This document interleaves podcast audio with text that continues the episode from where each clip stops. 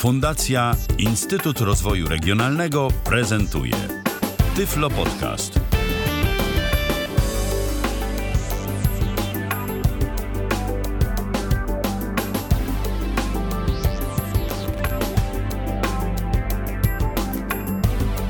Dobry wieczór, witam serdecznie w kolejnym odcinku Tyflo Podcastu. E, Ala Witek z tej strony. Jak zwykle bardzo się cieszę, że zechcieli Państwo spędzić czas w naszym towarzystwie, w towarzystwie Tyflo Radia. E, Dziś będzie na sportowo. Mm, Z moimi gośćmi będę rozmawiała o dyscyplinie, która dopiero rozpowszechnia się w naszym kraju i takiej, która jest dedykowana e, osobom z dysfunkcją wzroku, czyli o showdown. E, Moimi gośćmi e, są dziś e, zawodniczka, e, geraczka, jeśli tak można powiedzieć, Ewa Ćwiek. Witaj Ewo. E, witam, dobry wieczór Państwu. E, Dobry wieczór, dziękuję Ci oczywiście za zaproszenie, za przyjęcie zaproszenia do Tyflo Podcastu. Gościmy też e, trenera kadry e, Showdown w Polsce e, Łukasza Skąpskiego. Witaj Łukaszu. Dobry wieczór dziewczęta, dobry wieczór Państwu. Witamy i mm, oczywiście też bardzo się cieszę, że e, gdzieś w e, tym e, natłoku różnych zajęć sportowych nie tylko znalazłeś czas, żeby spotkać się z słuchaczami Tyflo Radia.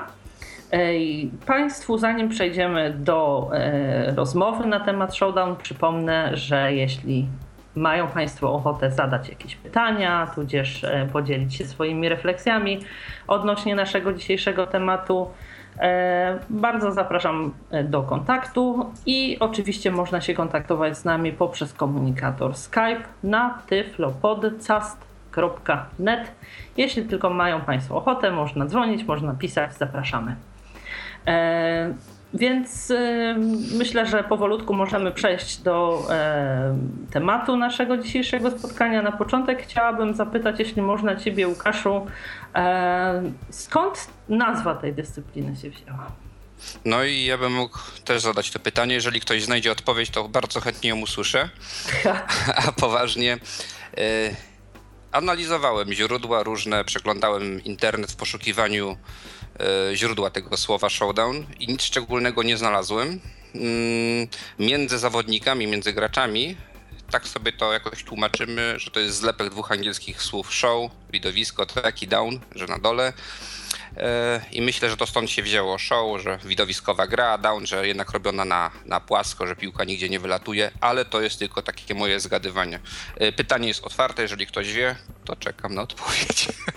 Jasne, to ja też chętnie e, poznam odpowiedź e, taką powiedzmy oryginalną, tudzież niedomniemaną nazwijmy. O, Niestety e, nie mamy kontaktu z twórcą tego, tej dyscypliny sportowej, więc trudno, trudno coś tu- powiedzieć. Tak. Aha, czyli ustalenie póki co nie, nie będzie możliwe. To może jakby rozwijając wątek jakby na razie samego zagadnienia, chciałabym Cię zapytać, skąd gra się wywodzi, e, jakie były jej początki i jaką drogą przybyła do nas, do Polski? E, tak, e, twórca, o którym mówiłem, mm, wywodzi się z Kanady. E, Człowiek niewidomy, Joe Levis, em, wymyślił w 77 roku, około tak to jest podawane, mm, mm, tą grę. Na początku miała to być tylko rozrywka dla osób niewidomych. Mm, Chodziło o to, aby osoby niewidome bez e, asysty osoby pełnosprawnej widzącej mogły sobie pograć, e, rywalizować i, i, i coś e, samemu zrobić na, na tym poziomie takim sportowym. E, W późniejszym czasie dołączył do niego kolejny Kanadyjczyk, którego teraz, e, przepraszam, ale nazwiska nie pamiętam, sportowiec też niewidomy, który Mhm. zaczął e, specjalizować tę grę i tak ją bardziej profesjonalizować. W latach 80, e, w roku 80 po raz pierwszy przywędrowała do Europy. Wtedy w Holandii bodajże został rozegrany turniej pierwszy Showdown. Od 92 roku od Londynu od mistrzostw paralimpiady w Londynie e, Showdown e, pretenduje do miana dyscypliny paraolimpijskiej. Niestety do tej pory się to nie udało. Taki skokowy wzrost showdown, jeżeli już tak tylko jeszcze pokrótce, żeby nie zanudzić, w 99 około 2000 roku dopiero tak jakby naprawdę zaczęto tą dyscypliną się zajmować. Zostało w IPSie, IBSA, International Blind Sport Association, jakby wydzielony dział odnośnie, taki dotyczący showdown stricte i zaczęły się odbywać takie już poważniejsze turnieje. Mm, w Polsce gra się pojawiła e, w 2010 roku. E, prekursorem i takim ojcem chrzestnym, że tak powiem, tej dyscypliny e, jest Lubomir Prask, trener uczniowskiego klubu sportowego Zry, Zryw Boże, mm, UKS Sprint Wrocław, tak, klubu, który działa przy ośrodku dla niewidomych na Kamiennogórskiej we Wrocławiu. I to ten człowiek e, na początku, w tym pierwszym okresie jeździł po różnych turniejach międzynarodowych i jakby zdobywał wiedzę e, i, przecierał pierwsze szlaki dla, dla mm, polskich zawodników, tak? dla tej dyscypliny, dla jej rozwoju w Polsce. To tak pokrótce, żeby nie zanudzić. E, jasne. A sama gra przybyła do nas, jeśli dobrze kojarzę, z Czech, prawda? Tutaj, tam chyba mieliście możliwość podglądania po raz pierwszy? Jak e, tak, tak, tak, mhm. tak. Do, na, pierwsze turnieje właśnie e, Lubomir jeździł e, do Czech e, i tam podglądał jakby pierwsze, pierwsze turnieje. Czesi, Słowacy to byli i Słowacy w późniejszym okresie e, to byli tacy jakby nasi e, nauczyciele, od których uczyliśmy się pierwszych zagrywek i takiej wdrażali nas trochę w tą grę. Trochę też nam mm, pomagali Niemcy w tym pierwszym okresie, którzy zwłaszcza no i przepraszam cię, nie pamiętam jak się nazywasz. Jeden Niemiec właśnie bardzo, bardzo nam e, dużo oddał serca i przyjeżdżał do nas i pomagał nam e, jakby zdobywać te pierwsze szlify. Jasne. Bardzo Ci dziękuję. Y, ja tutaj Państwu jeszcze mm, dopowiem, że e, Łukasz e, dysponuje dużą wiedzą i odnośnie tego, e, jak wygląda, mm, wyglądały początki showdown w Polsce, jak też tego, jak dziś wyglądają rozgrywki, ponieważ sam był zawodnikiem, jest chyba jeszcze, tak? Grywasz jeszcze? tak, grywam na takim sparingowo, tak? sparingowo, tak, mhm. chociaż chociaż nie, nie ukrywam, że ostatnio no, mm, nie jestem liderem, tak? tej gry. Niestety tych dwóch obowiązków tak do końca nie da się pogodzić, więc no gram, bo, bo kocham ten sport i, i zawsze będę grał i mnie tak łatwo od stołu nie odciągną, ale, ale no niestety obecnie muszę to tak troszeczkę na, na dalszy plan tak, e, kolejne Twoje, e, jak powiedziałabym, zadanie, tudzież obszar działalności to e, bycie trenerem kadry, o czym już wspominałam, i działasz także jako wiceprezes zarządu KSN Łuczniczka Bydgoszcz. Nic nie pomyliłam? Nic nie pomyliłaś. Super. KSN Łuczniczka Bydgoszcz, klub sportowy osób niewidomych w Bydgoszczy. To jest klub zrzeszony w Stowarzyszeniu Cross. E, I tutaj, e, jako ten, tak jak wspomniałaś, wiceprezes, też staram się, e, ile się da, rozwijać tą dyscyplinę w Polsce, tak? Na, na, na, na, z poziomu klubu i możliwości, jakie stowarzyszenie daje, tak? Projekty, zdobywanie różnych grantów na tej zasadzie. To w mm. takim razie gratuluję i życzę powodzenia i też e, gratuluję e, takiej e, wielozadaniowości. Myślę, że o, że tak powiem, sam kontekst tego, czy jest to odpowiednia dyscyplina dla osób z dysfunkcją wzroku, jak się odnajdują i tak dalej, też mógłbyś nam sporo powiedzieć, ale zapytamy Ewę, która tutaj e, jako aktywna zawodniczka e, od początku do dzisiejszego momentu, e, do tej pory grająca stale, będzie mogła też sporo, myślę, na ten temat powiedzieć czemu, e, Ewo, moglibyśmy zaryzykować stwierdzenie, że e, taki e, sport jak showdown jest w szczególności dedykowany, odpowiedni i, że tak powiem, w jakiś sposób rozwojowy dla osób niewidomych? Mm, na pewno jest y, odpowiedni dla osób niewidomych, dlatego że tak naprawdę tylko osoby niewidome uprawiają ten sport. To jest pewnie jeden y, z niewielu sportów dedykowany tylko y, osobom niewidomym, bo ja raczej nie spotkałam się z tym, żeby osoby widzące y, uprawiały tą dyscyplinę sportu. Może Łukasz coś wie więcej na ten temat. Mhm. Łukaszu? Nie, nie wiem, nie, nie, nie, nie wiem. Raczej osoby y, widzące y, sportowo, takie, takie profesjonalnie nie podchodzą do tego sportu. To jest typowo Bardziej na sport dla zasadzie osób- ciekawostki, jeśli Tak, tak. bardziej na tak. zasadzie ciekawostki, pograć, powiedzieć yy, z przeproszeniem o Jezu, o Matko, ale to trudne i odłożyć rakietę i pójść.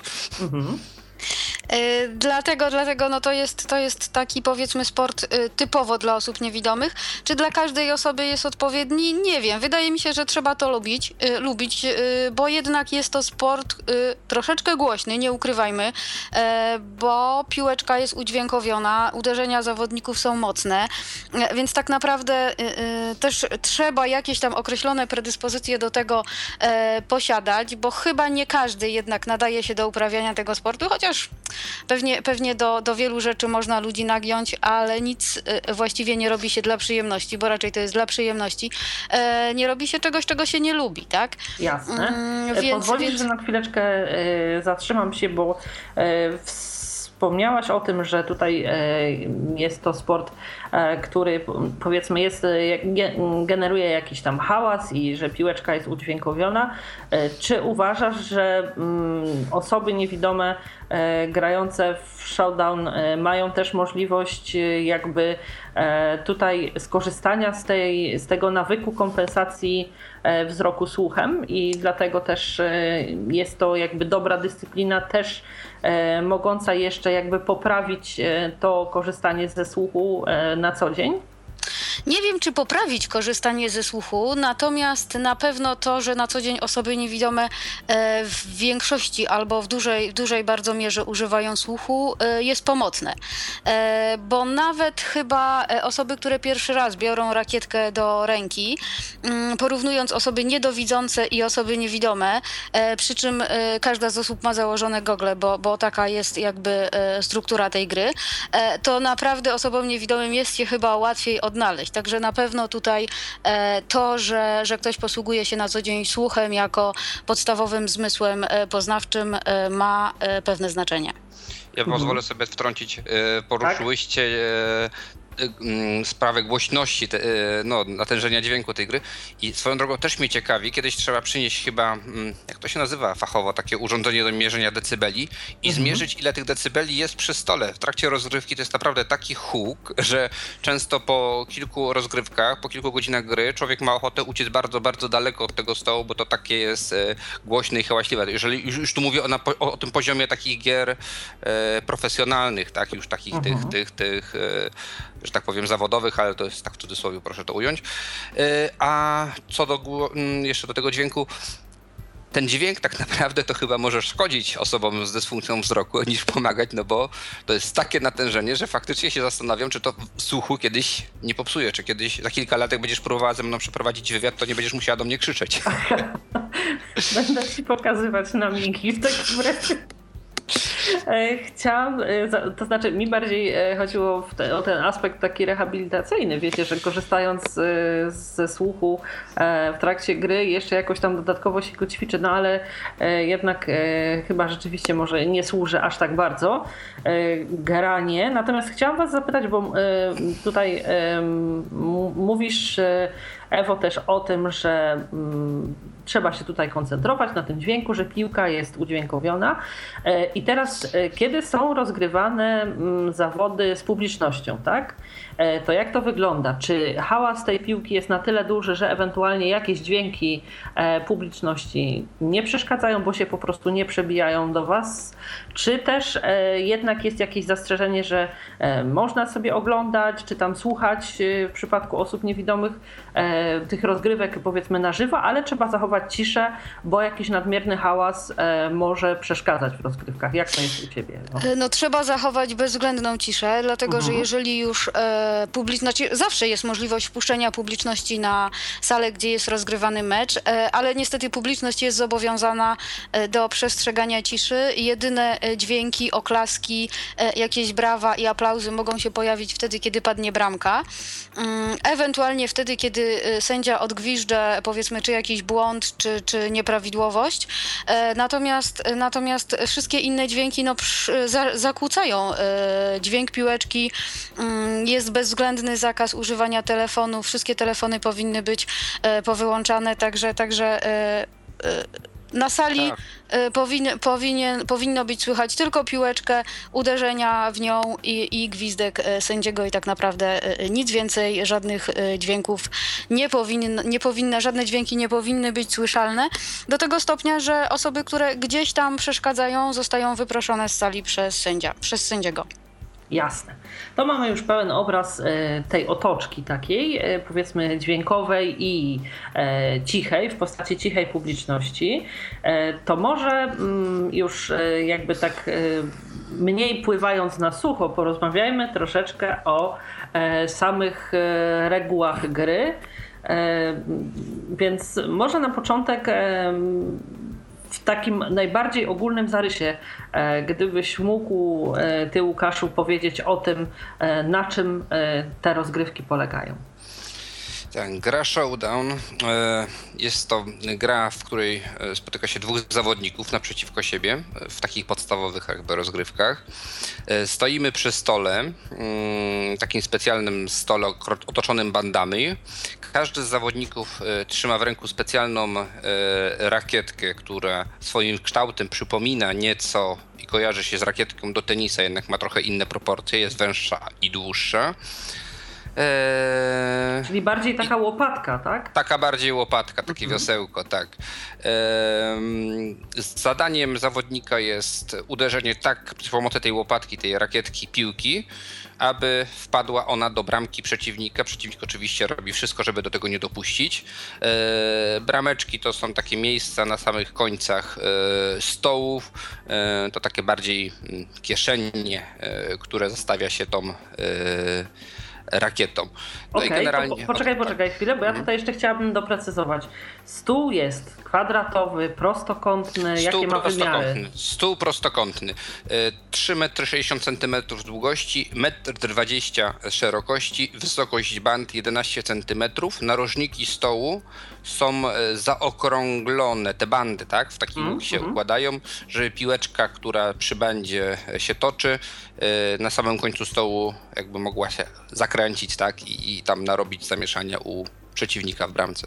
Jasne. To jeszcze chciałabym zapytać, przy których w takim razie bokach e, stoją zawodnicy? Przy dłuższych czy przy krótszych? Przy dłuższych, przy dłuższych. Przy krótszych. E, przy krótszych, tak. No, przepraszam, przepraszam, przepraszam. Przy krótszych oczywiście. Wzdłuż dłuższych. Tak, punkt za czujność, Ewo. Brawo, Ewo. E, tak. To za tę minę. Ja ci dam. Obiecaną. Przepraszamy. Za koleżankę. Nie no, tutaj y, rzeczywiście, y, żeby nie, y, nie wprowadzać w błąd, mówisz, że to są kieszenie, czyli one są jakby na powierzchni tego stołu, gdzieś przy bandach są zaznaczone takie kieszenie, do których ta piłka może wpaść. To są tak. jakieś uzy, jak to wygląda? Już wyjaśniam. Bramka mm, to jest taki kosz zamocowany na zewnątrz stołu. Mhm. Stół na, w bandzie oraz jakby w tym blacie stołu wycięte są otwor- jest taki otwór, który mm, jest półkolem, nas, jeżeli chodzi o tą powierzchnię płaską, jest półkolem o średnicy 30 cm i to półkole jakby wystaje w stronę, tak, na, na, na, na blat stołu i jeszcze jest wycięty taki mały prostokąt o wysokości o wysokości odsyłam zainteresowanych do regulaminu IPSA dostępnego na showdownpoland.pl wysokości Ale jakiejś. chyba 40 centymetrów. Nie, nie, nie, nie, mówię, tak? nie mówię, mówimy o, mówimy o bramce, wiesz? O, świet, o świetle bramki, tak? Świetle Wydaje mi się, że to jest 40 centymetrów, ale nie będę się... Szerokości nie 30, ale wysokości myślę ile. E, nie, nie, no nieważne, chyba około 7 centymetrów 6. E, w tym momencie tam bramka, ta, piłka, która e, wpada tam w światło tej bramki do środka jakby mhm. wpadnie, Y, to jest gol. Jeszcze dookoła bramki znajduje się pole karne w odległości 5 cm po całym obwodzie od e, bramki. Tego pola, tak? E, tak, tak, tego, tego tej, tej, tej dziury, tak, umownie, tej mhm. kieszeni. E, pole jest, jest otoczone takim mm, chropowatym jakby paskiem, który daje poczucie, tak, w którym miejscu on się, to pole karne się zaczyna, a, a mhm. gdzie już jest bramka. E, jest to bardzo ważne, gdyż przekroczenie tej bram, tego pola karnego skutkuje punktami. E, czy ja teraz o punktach mogę coś powiedzieć?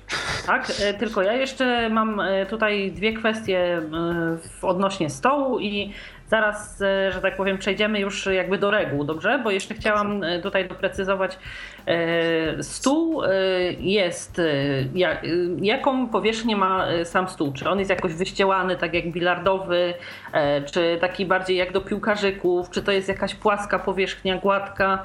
Jaka bardzo, jest struktura? Bardzo gładka, płaska powierzchnia. Chodzi Aha. o to, aby tej piłce nadać możliwie dużą prędkość. prędkość tak, tak. Mhm. tak. E, w trakcie treningów często, e, aby sobie jeszcze utrudnić, posuwamy się do tego, że e, powierzchnię tą traktujemy różnymi preparatami, które zwiększają jeszcze śliskość.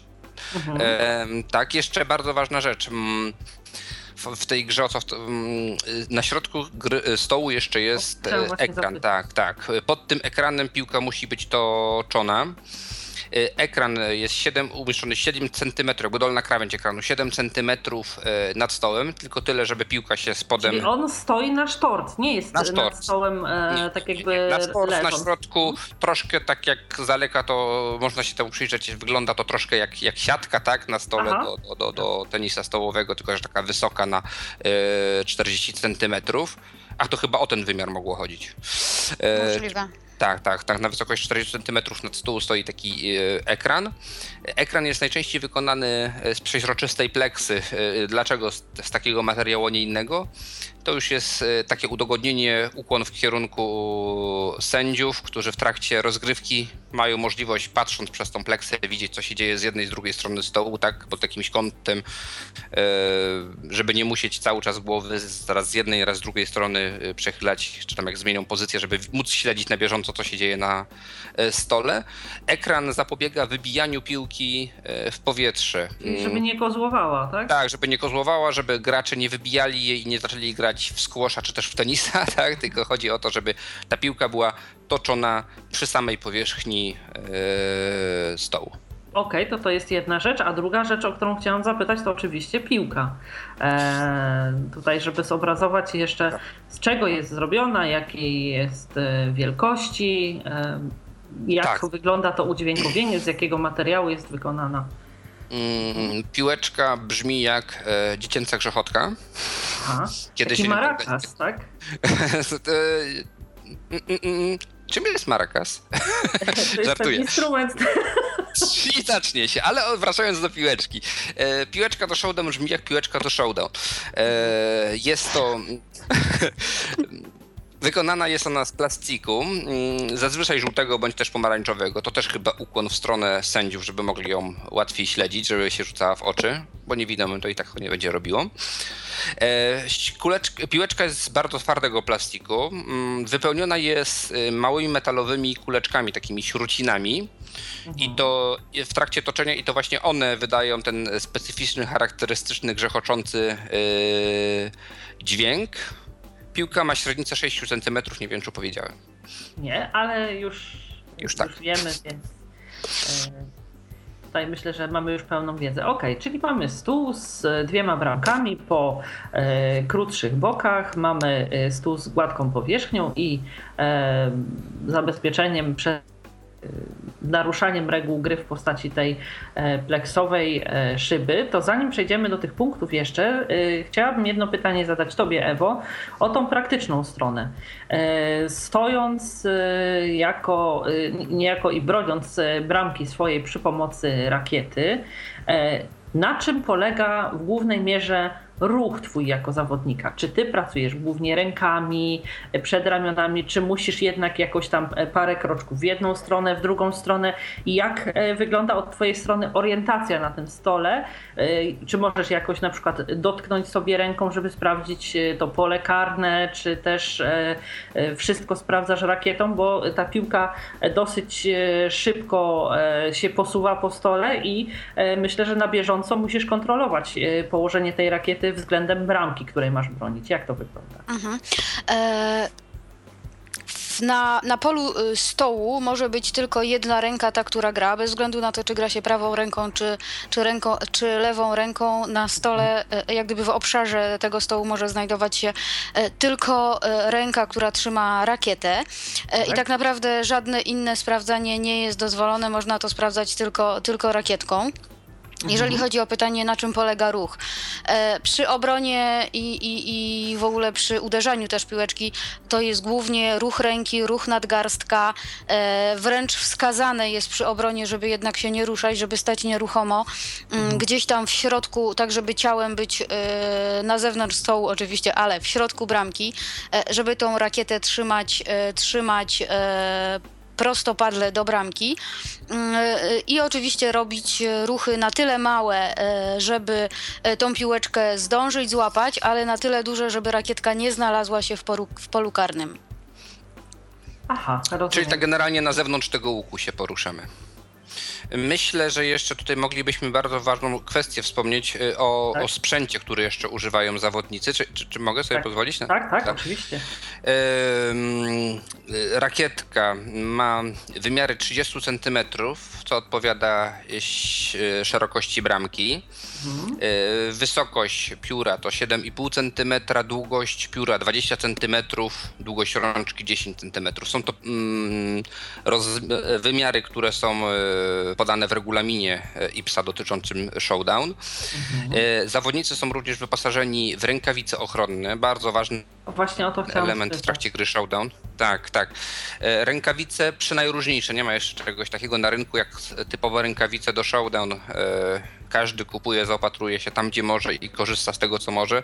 Sprawdzają się rękawice do, do, do hokeja na trawie, do hokeja na lodzie jakieś różne rękawice motocyklowe, tak? Z tym Aż mocnym takie rękawice są potrzebne, żeby... Tak, bardzo, bardzo pancerne. Ta piłka e, z taką dużą prędkością i z taką siłą jest uderzana, ona jest tak twarda, że mm, te rękawice, w których jeszcze kilka lat temu graliśmy jakieś takie tam szmacianki, naszywanki, no to wtedy byśmy najnormalniej w świecie poprzetrącane ręce i tak często, gęsto yy, podczas takich poważnych rozgrywek, tak jak w zeszłorocznych Mistrzostwach Polski, było dużo takich kontuzji, stłuczeń e, rąk, gdyż ta piłka no to tak mocno mm, jest uderzana już obecnie przez zawodników, to już jest na takim Może poziomie rozgrywane. Może tam do górali się zwrócić o te takie, wiecie, z kożuchem w środku, żeby może będzie trochę ciepło, ale, ale generalnie ochrona... Jest to jakaś zawsze myśl, tak, tak. Już myślałem też, żeby zgłosić się do jakiegoś bractwa rycerskiego i poprosić o taką część zbroi, tak? E, co jeszcze bardzo ważne jest? E, gogle, o których na początku tutaj, tutaj cały czas one dziś się w trakcie naszej rozmowy pojawiają. Gogle są nieprzeźroczyste. Mm, chodzi o to, żeby i zawodnicy widzący i te osoby zupełnie niewidome, wszyscy mieli wyrównane szanse i tak samo nic nie widzieli w trakcie rozgrywki.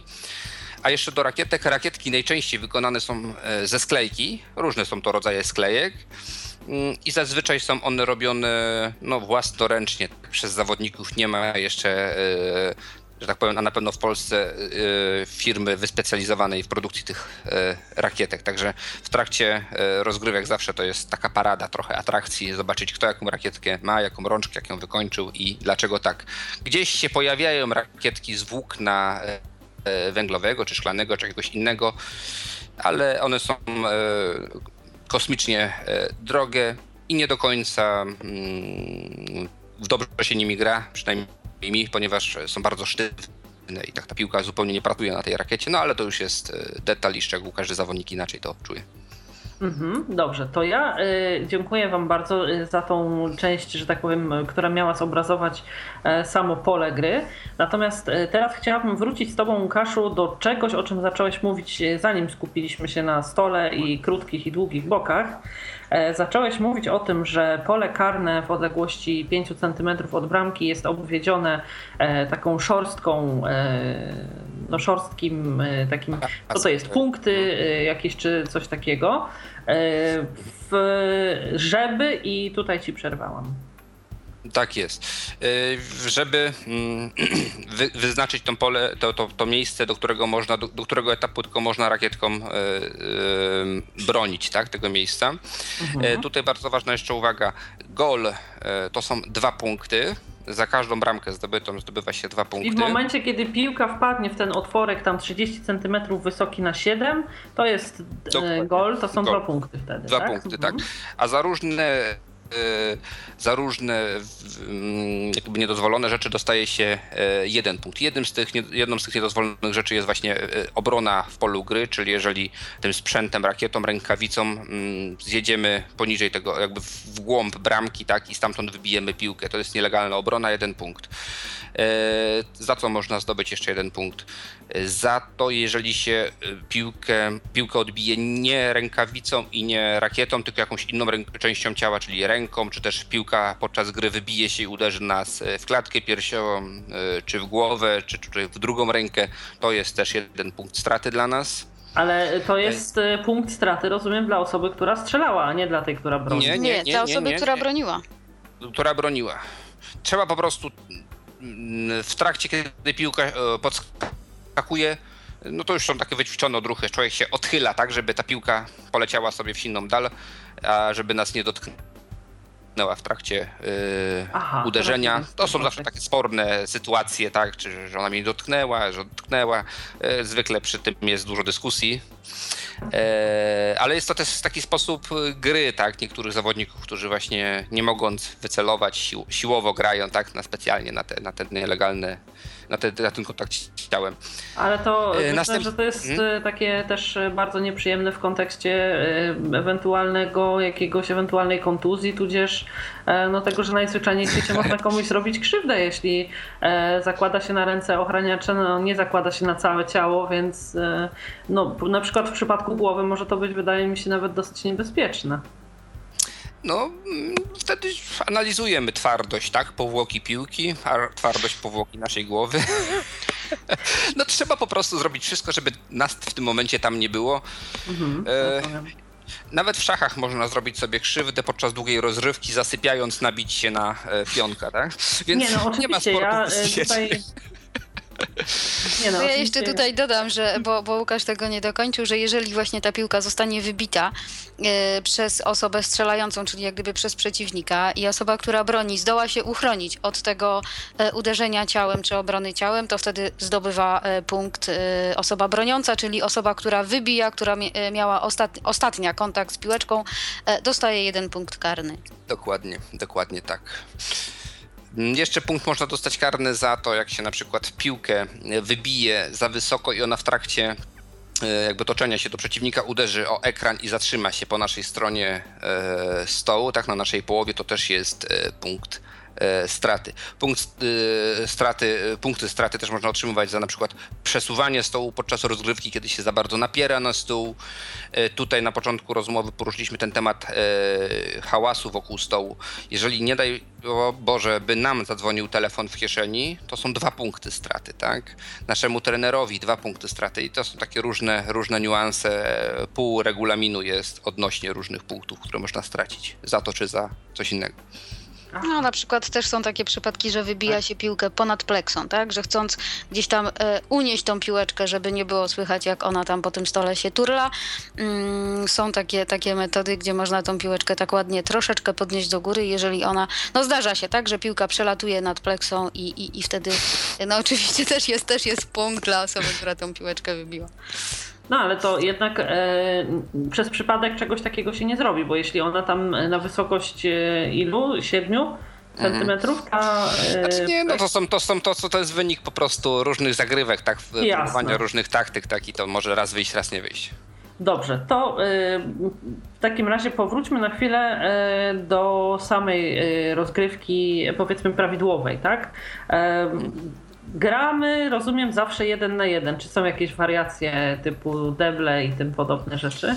Mm, generalnie gramy jeden na jeden, zawsze przy stole stoi, znaczy e, w tych rozgrywkach liczon, liczonych, tak, do, do, do takich oficjalnych, zawsze stoi jeden zawodnik naprzeciwko jednego zawodnika, tak, e, z tym, że to jest wersja podstawowa, tak, gra indywidualna, ale istnieje jeszcze coś takiego, taka wariacja jak e, gra drużynowa, gdzie w każdej z drużyn znajduje się e, trzech graczy. Są to drużyny mieszane, tak? E, dwóch panów, jeden, jedna pani bądź też na odwrót. Taki mixed. Taki mixed, dokładnie. Mhm. Mm, I w tym momencie e, wygląda to w ten sposób, że osoba, jedna drużyna trzy razy, jeden zawodnik serwuje, następnie schodzi, następna osoba trzy razy przyjmuje atak przeciwnika i tak na zmianę, na zmianę wszyscy zawodnicy z drużyny po kolei, jeden po drugim, trzy razy serwują, trzy razy odbierają zagrywkę przeciwnika. Także Jasne. taka może jeszcze być e, możliwość. No a jeszcze szaleni Czesi stworzyli kombinację e, czeski debel, to nawet ma taką swoją e, branżową nazwę, mhm. gdzie stoi po dwóch zawodników z każdej strony stołu.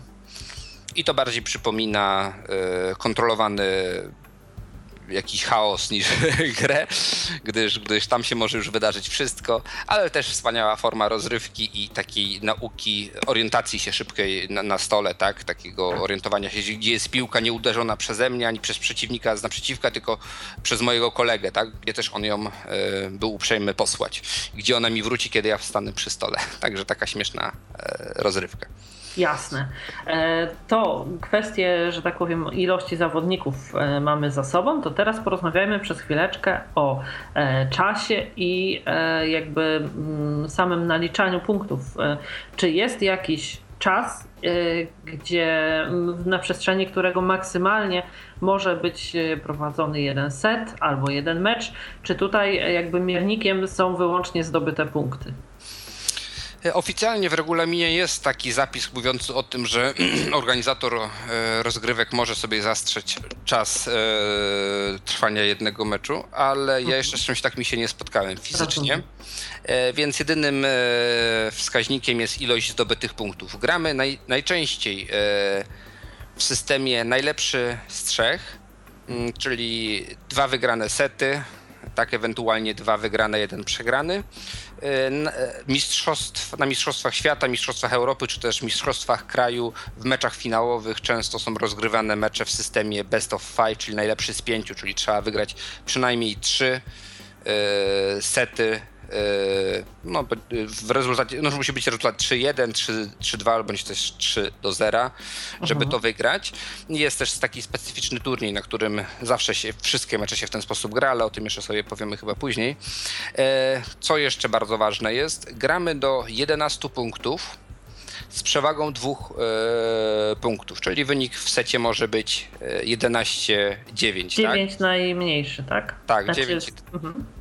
11 jakby ta, ta, najmniejsze zwycięstwo. Często mhm. gęsto te mecze przy takie, takie zaciekłe kończą się jakimś rezultatem zupełnie innym, gdyż no, trzeba mieć tą przewagę dwóch punktów, więc to może być jakieś 12-14 bądź coś w tym stylu. Widziałem też rozgrywki, które się toczyły do 18 punktów, 20 nawet.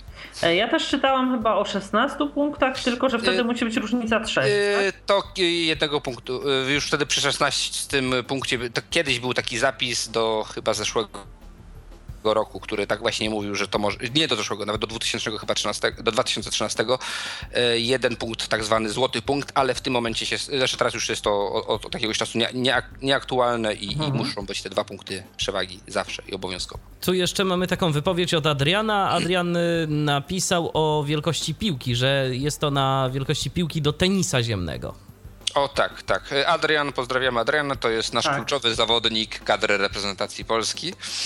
Adrian to bardzo serdecznie pozdrawiamy i, i, bardzo dziękujemy tutaj za zobrazowanie, bo myślę, że większość naszych słuchaczy y, miała w rękach, widziała piłkę tenisową, więc e, rzeczywiście tutaj porównanie e, jak najbardziej trafne i bardzo dziękujemy.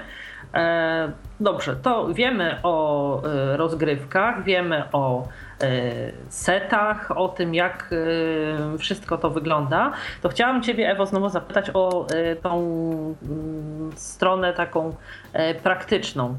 Y, jak y, radzisz sobie z utrzymaniem y, koncentracji przez tak długi czas? Jak średnio czasowo mm, te sety trwają? Jak długo trwa mecz? I tutaj jak radzisz sobie z rozkładaniem sił i koncentracji, żeby przez cały mm, mecz grać na jednakowo dobrym poziomie? Szczerze powiedziawszy, to nigdy się nad tym nie zastanawiałam, bo, bo raczej koncentruję się na tym, żeby, żeby jednak e, koncentruję się na obronie, na, na e, e, jakiejś tam grze. Nie wiem, czy. czy mm, naprawdę, jakoś tak nie, nie, nie koncentruję tego w ten sposób, że e, rozkładam siły, żeby były równomiernie. Raczej, jeżeli już brakuje sił, to brakuje ich na końcu i, i na początku zawsze e, staram się grać e, jak najbardziej e, e, optymalnie, tak? Z optymalną jakąś tam siłą e, i, i możliwościami. Natomiast jeżeli chodzi o czas, to wszystko zależy od tego, e, kto stoi po przeciwnej stronie e, bramki, bo bywają mecze, e, kiedy na przykład naprzeciwko przyjdzie mi stanąć e, z naszą, e, powiedzmy, złotą medalistką e, Europy, e, to oczywiście taki mecz kończy się bardzo szybko. Mm, e, e, Jeżeli ktoś stoi, ktoś powiedzmy, z kim mogę sobie powalczyć, tak, czyli o powiedzmy mm, jakichś równoważnych umiejętnościach, no to myślę, że tak e, 10-15 minut, chociaż 15 to chyba za dużo, na jeden set trzeba liczyć. 10-15 minut, tak? Tak myślę. Jasne. Dobrze, to ja e, za chwilę wrócę, e, Ewo, do Ciebie z kolejnymi e, pytaniami o ten aspekt praktyczny. Natomiast chciałabym do, z Tobą, Łukaszu, przez moment porozmawiać o tym jeszcze, gdzie powiedzmy adept przyszły grania w Showdown mógłby spróbować zobaczyć, jak wyglądają rozgrywki, gdzie ewentualnie mógłby sam spróbować e, zagrać, zobaczyć, Aha. jak wygląda sprzęt, oswoić się. E, takie miejsca, oczywiście wiadomo, że nie wymienimy tutaj wszystkich miejsc, ale takie, gdzie e, ogólnie mm, są kluby, są trenerzy otwarci na to, żeby e, przychodziły osoby zainteresowane i jakoś tam e, próbowały, mm, powiedzmy, swoich sił w tym sporcie. Mhm, Dobrze. Tak, jeżeli ktoś chce, na początku tak naprawdę można sobie spróbować znaleźć w, w internecie troszkę filmików, żeby pooglądać, bo się już trochę tego pojawiło w internecie, zobaczyć jak to wygląda, a e, tak, że powiem, e, używając młodzieżowego slangu, w realu trzeba zgłosić się do jednego z kilku klubów zrzeszonych w CROSS, w których jest sprzęt do showdown. No oczywiście zapraszam do siebie do Bydgoszczy, e, klub KSN Łuczniczka, Bydgoszcz, e, gdzie takie stoły się znajdują, gdzie mamy sprzęt, gdzie oczywiście możemy chętnie pokazać. Mm, e, Myślę też, e, że bardzo dobrym adresem jest Wrocław, Kamiennogórska, ośrodek dla niewidomych, Kolebka Showdown. Tam Lubomir Prask, tak naprawdę najlepszy trener, taki praktyk, tak, e, się znajduje i on, mm, myślę, może tam pokazać. Kluby, w których jeszcze e, są silne e, reprezentacje, to na pewno Olsztyn, na pewno Słupsk, em, Przemyśl, o przepraszam, Ewo, Przemyśl. Ja oczywiście chciałem zacząć od Przemyśla, tak? Od Tak, Przemyśla tak, ja wiem, zacząć. Łukaszu, ty na pewno chciałeś zacząć od przemyślenia, nie wątpię w to. Tak, tak, tak. E, Znajduje się też również klub w Warszawie. E, W Laskach obecnie jest bardzo mocna e, ekipa. Jeszcze kilka mniejszych klubów. Przepraszam, jeżeli te osoby z tych klubów słuchają za określenie, no ale no, no, no, tak, tak to trochę wygląda. Jasne, ale generalnie można zakładać, że przy jakichś ośrodkach czy przy miejscach związanych z crossem, gdzie są organizowane Tak. różne rozgrywki, tudzież prowadzone dyscypliny sportu dla osób niewidomych, tam ewentualnie powinniśmy pytać, tak? Dokładnie, dokładnie, Jasne. dokładnie. A ja oczywiście e, służę kontaktem e, do mnie, możemy na końcu audycji podać namiary na mnie. E, ja osobom zainteresowanym jestem gotów tam podać adresy właściwe. A nuż miejsc. trafi się samorodny talent, który od razu po prostu do kadry się przyda, można się Tak, zgłosić. tak, tak. Ta. Ja czekam aż Ewa w końcu tak błyśnie, bo ona się tak trochę kryguje, jak tutaj ten, a to widzę w niej taki talent. Czy to już ta mina? Jeszcze nie, poczekaj. Dobrze, to e, teraz wrócę do rozmawiania z Ewą o e, tych początkach, bo tutaj e, zaczęliśmy chwileczkę z Łukaszem, żeby tutaj e, ewentualnie Państwu, którzy będziecie zainteresowani e, zaznajomieniem się z Showdown, dać możliwość odnalezienia takich miejsc, gdzie można to zrobić.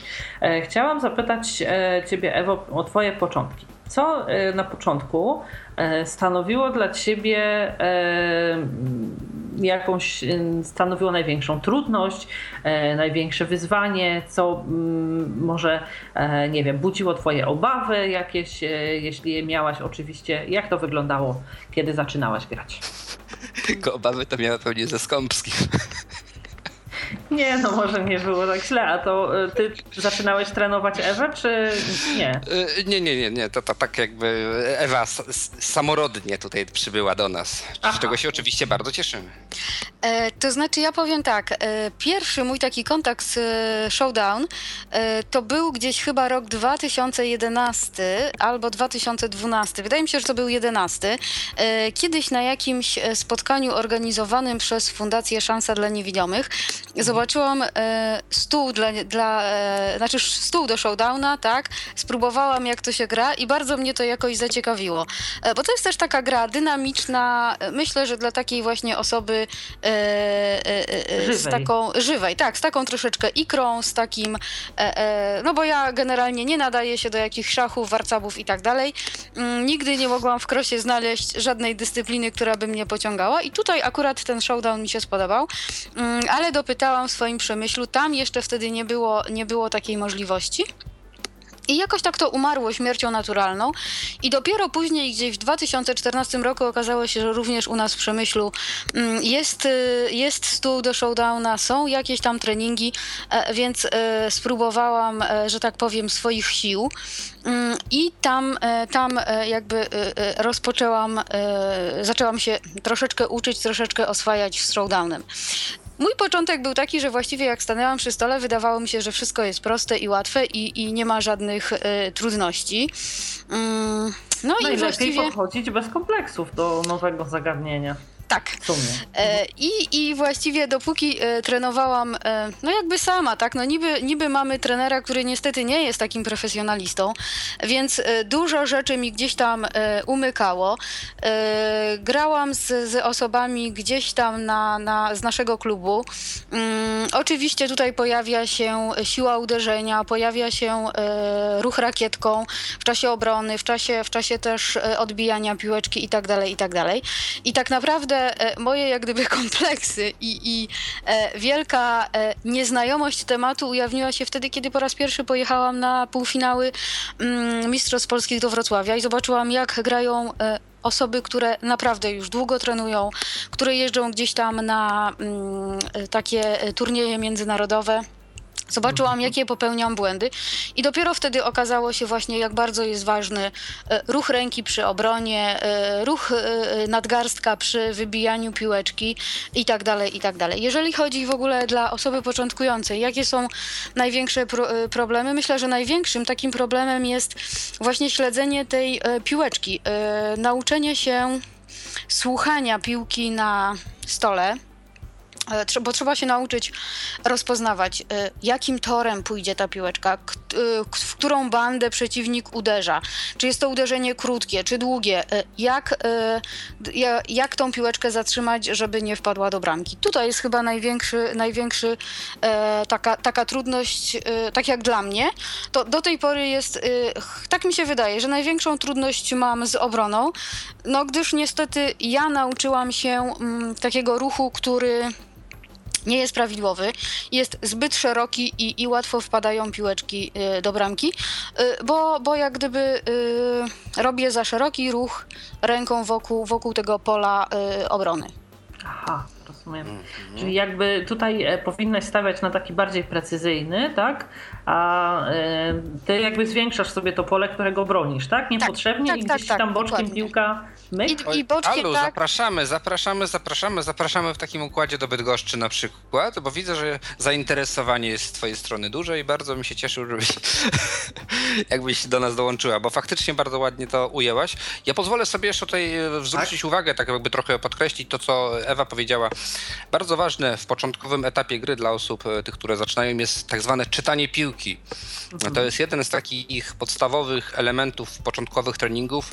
Po prostu wypuszczanie piłki na stół przez trenera, i nakazanie po prostu zawodnikowi powiedzieć, którędy dokładnie piłka poszła, gdzie się odbiła, jak ona zakończyła swój ruch i w drugą stronę zawodnik uderza piłkę i ma powiedzieć, gdzie ona dokładnie mu poszła. Bądź też ma uderzyć piłkę w określone miejsce, a trener pyta, czy e, ten ruch był prawdziwy, e, poprawny, czy, czy nie.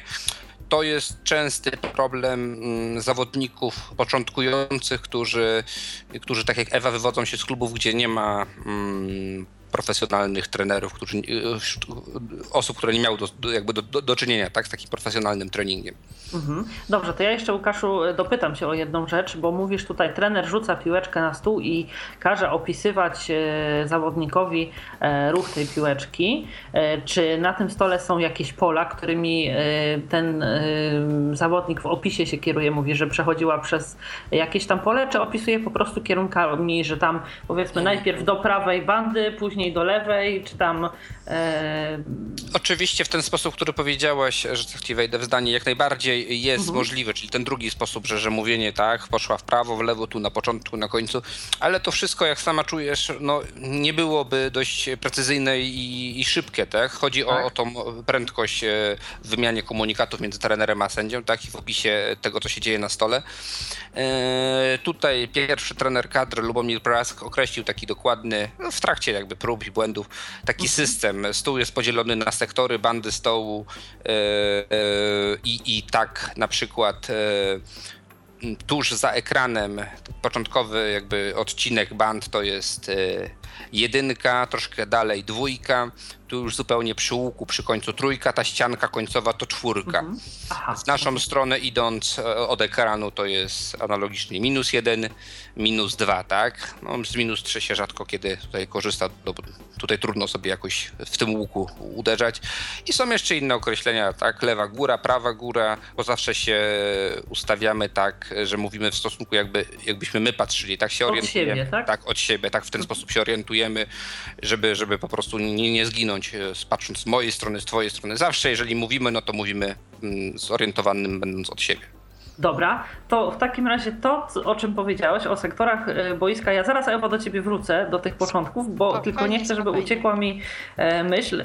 Mamy podzielone boisko na sektory. Czy mamy wobec powyższego jakieś takie, powiedzmy, analogii odnieśmy powiedzmy do jakichś tam innych gier w piłkę, na przykład do piłki nożnej. Czy za jakieś przewinienia są na przykład takie e, jakieś e, powiedzmy to e, rzuty, które są z tych bliższych bramki sektorów, e, jak wolny, karny czy coś takiego, czy takich mm, nie, nie, nie, nie, nie, nie ma, bo tak naprawdę nie Sektory funkcjonują w... tylko w nazewnictwie, tak? Tak, w nazewnictwie, żeby mhm. jakoś dookreślić strefy na bandzie. To raz a dwa, no trudno byłoby strzelać karnego będąc bliżej przeciwnika, no bo jak, będąc na stole? O nie, z boku na przykład. Nie, nie, nie, ogranicza nas tylko... autu na przykład za wyrzuconą piłkę poza bandę albo coś takiego. Dobra, nie będę tutaj jaka, kreatyw... tworzyć... jaka kreatywna jest. No właśnie. Nie będę tutaj e, tworzyć nowych reguł. E, wracam do Ewy. Dziękuję Ci bardzo, Łukaszu. Chciałabym, Ewo, zapytać Ciebie o coś takiego. Mówisz, że zaczynałaś e, trenować gdzieś tam w w, mm, u siebie w klubie i też e, jakby e, dopiero na e, turnieju we Wrocławiu jakby zdałaś sobie sprawę z jakichś tam swoich, no powiedzmy drobnych jeszcze niedociągnięć i tak dalej. Powiedzmy drobnych. No tak, no ja mnie, no jakby nie mnie to oceniać, więc tutaj no posiłkuję się taką nomenklaturą, bo też jakby nie ma sensu wchodzić w szczegóły. Yes. Chciałabym cię spytać o to, ile czasu na początku poświęcałaś na trening, e, już konfrontując tą e, jakby swoją grę z, z tą grą, która powinna być e, jakoś tam egzekwowana zgodnie z tymi wszystkimi regułami, zasadami i też z tym e, prawidłowym wybijaniem i bronieniem, czego dowiedziałaś się we Wrocławiu. E, jaki czas poświęcałaś e, na treningi, powiedzmy, nie wiem, czy to w tygodniu, czy w ciągu dnia, jak miałaś sposobność, zanim zobaczyłaś, mogłaś dostrzec jakiś, wiesz, progres taki, że gdzieś tam widziałaś, że to, czego się nauczyłaś, wytrenowałaś na tyle dobrze, że powiedzmy jest to już u ciebie kwestią automatyczną, nawyku, że coś zmieniło się na lepsze i faktycznie y, miałaś y, takie odczucie, że to trenowanie przynosi jakieś wymierne efekty w postaci coraz lepszej gry. Mhm. Niestety, Alu, ja nigdy nie, nie, jak gdyby nie miałam takiego czasu na to, żeby poświęcić na treningi tyle czasu, ile bym chciała, tak? Bo po mhm. pierwsze jestem osobą aktywną zawodowo, więc też tak. mm, jak gdyby e, czas, który mogę poświęcić na treningi e, jest uzależniony po pierwsze od e, pracy. Tak. I tak mam dobrze, że pracuję zadaniowo, a nie czasowo, więc czasami potrafię ten czas wygospodarować na to, żeby pojechać na trening. Druga sprawa jest odległość. Niestety mój klub jest w Przemyślu, i aby dojechać na trening, ja muszę poświęcić dwie godziny czasu na dojazd w jedną stronę. Ojej, E, mając na uwadze jeszcze to, że po drodze się przesiadam, Ma e, hard ducha dziewczyna, nie? ma, ma. więc, e, więc e, ten czas się wydłuża, a poza tym i tak zawsze ktoś musi mm, kilka kilometrów jeszcze po mnie e, wyjechać, bo wieczorem nie mam dobrego dojazdu, żeby do domu dojechać. Więc to są takie ograniczenia, które nie pozwalają mi i pewnie nigdy nie pozwolą na to, żebym trenowała tyle, na ile e, chciałabym. E, Jasne. Ja poświęcałam różnie. E, Generalnie u mnie w klubie treningi są raz bądź dwa razy w tygodniu. Czasami mamy tak zwane weekendówki raz w miesiącu, czyli Trenujemy od piątku e, po południu przez całą sobotę do niedzieli do południa. E, I to są fajne rzeczy, bo wtedy naprawdę można sobie i pograć, i coś tam potrenować, i, i e, czegoś się nauczyć. Natomiast jeżeli chodzi o taki czas, który, który jest fajnie poświęcić na to, żeby się czegoś nauczyć, to myślę, że na początek to jest dobrze tak codziennie potrenować, chociażby po jednej godzinie. I tutaj naprawdę ośrodki takie szkolno-wychowawcze dla niewidomych, które mają te stoły, mają doskonałe możliwości. Osoby się tam uczące, czy tam mające, nie wiem, blisko i, i mogące z tego skorzystać, mm, myślę, że są w najlepszej sytuacji. No tak jak mówiłam, u nas w klubie te treningi są zazwyczaj raz bądź dwa razy w miesiącu i to chyba jest zdecydowanie za mało. E, Te takie dłuższe, te weekendowe, tak? Yy, znaczy nie, nie, nie. W, raz w tygodniu są, Jasne, yy, bo- powiedziałam w miesiącu, Tak, tak, przepraszam. tak. Raz w tygodniu są takie treningi regularne, czyli tam powiedzmy spotykamy się o godzinie e, 15 czy 16 i trenujemy do 19. E, natomiast e, raz w miesiącu dodatkowo mamy te e, weekendówki, gdzie, gdzie tego treningu rzeczywiście jest więcej. Jasne, dziękuję Ci bardzo. To znowu na chwileczkę wrócę do Łukasza, bo tutaj e, w takim razie mm, też e, chciałabym e, z Twojego, Łukaszu, punktu widzenia jako trenera, żebyś powiedział przy takich treningach regularnych, właśnie pod okiem trenera, z dostępem do sprzętu codziennym, kiedy trafiają do Ciebie jacyś początkujący gracze. Spytam o ten sam schemat, o który pytałam Ewę. E, Jaki czas należy poświęcać na treningi w ciągu dnia, w ciągu tygodnia, żeby e, można było rzeczywiście u takiej początkującej osoby e, już jakiś progres zobaczyć? Generalnie. Mm, Pewnie też jest to cechą osobniczą, tak? tak, tak, tak, dokładnie. Y, Są osoby, które podchodzą do stołu, łapią rakietkę i wyglądają tak, jakby już miały za sobą szereg godzin spędzonych, tak, w trakcie gier, przy rozgrywkach. E, Są osoby, które podchodzą do stołu i, i tak jakoś troszeczkę na początku niepewne, ale, niepewnie, ale się rozkręcają. Są też osoby, które mm, ile by nie stały, e, no będą grały tak, jak grają. Co jest bardzo ważne w tym o, o czym mówimy, nie każdy musi, to co ja cały czas podkreślam, grać na poziomie zawodowym i mistrzowskim. E, Tą grę też trzeba mimo wszystko jednak traktować jako trochę, no, przepraszam, że pójdę w te slogany, rehabilitację tak, dla, osób, e, dla osób z dysfunkcją wzroku, dla każdej osoby, nawet pełnosprawnej, tak, tutaj nie ukrywajmy jakaś forma aktywności jest bardzo wskazana. E, Więc ja w pierwszym okresie zawsze, jeżeli znajduję jakąś nową osobę, zachęcam ją do tego, żeby po prostu pograła. Przy, przyszła. em, Nie naciskam na nic szczególnie, tam troszeczkę delikatnie tylko z boku się przyglądam, mówię, że to jest troszkę źle, to jest troszkę źle. W tym pierwszym okresie, gdzie osoba sobie tak powolutku tylko tam tą piłkę odbija, No ale nie możesz, jak mówisz, to jest troszkę źle, to jest troszkę źle. Delikatnie, delikatnie na początku. mówić, łatwiej by ci było, gdybyś... No, no tak, tak, tak. Tak, tak, tylko że, że Nie, nie, no ja oczywiście naciskam, nie, żartuję, nie tak, naciskam, tak. Nie, nie próbuję tutaj osób jakoś od razu speszyć i powiedzieć, oj chłopie, no, z taką grą to gdzie ty do ludzi, do, na świat. No tak. E, Ciebie nie będzie, tak? tak, tak, tak. W następnym, no, znaczy tak, jeszcze było- padło pytanie o, o treningi, ile powinny Tak. trwać treningi.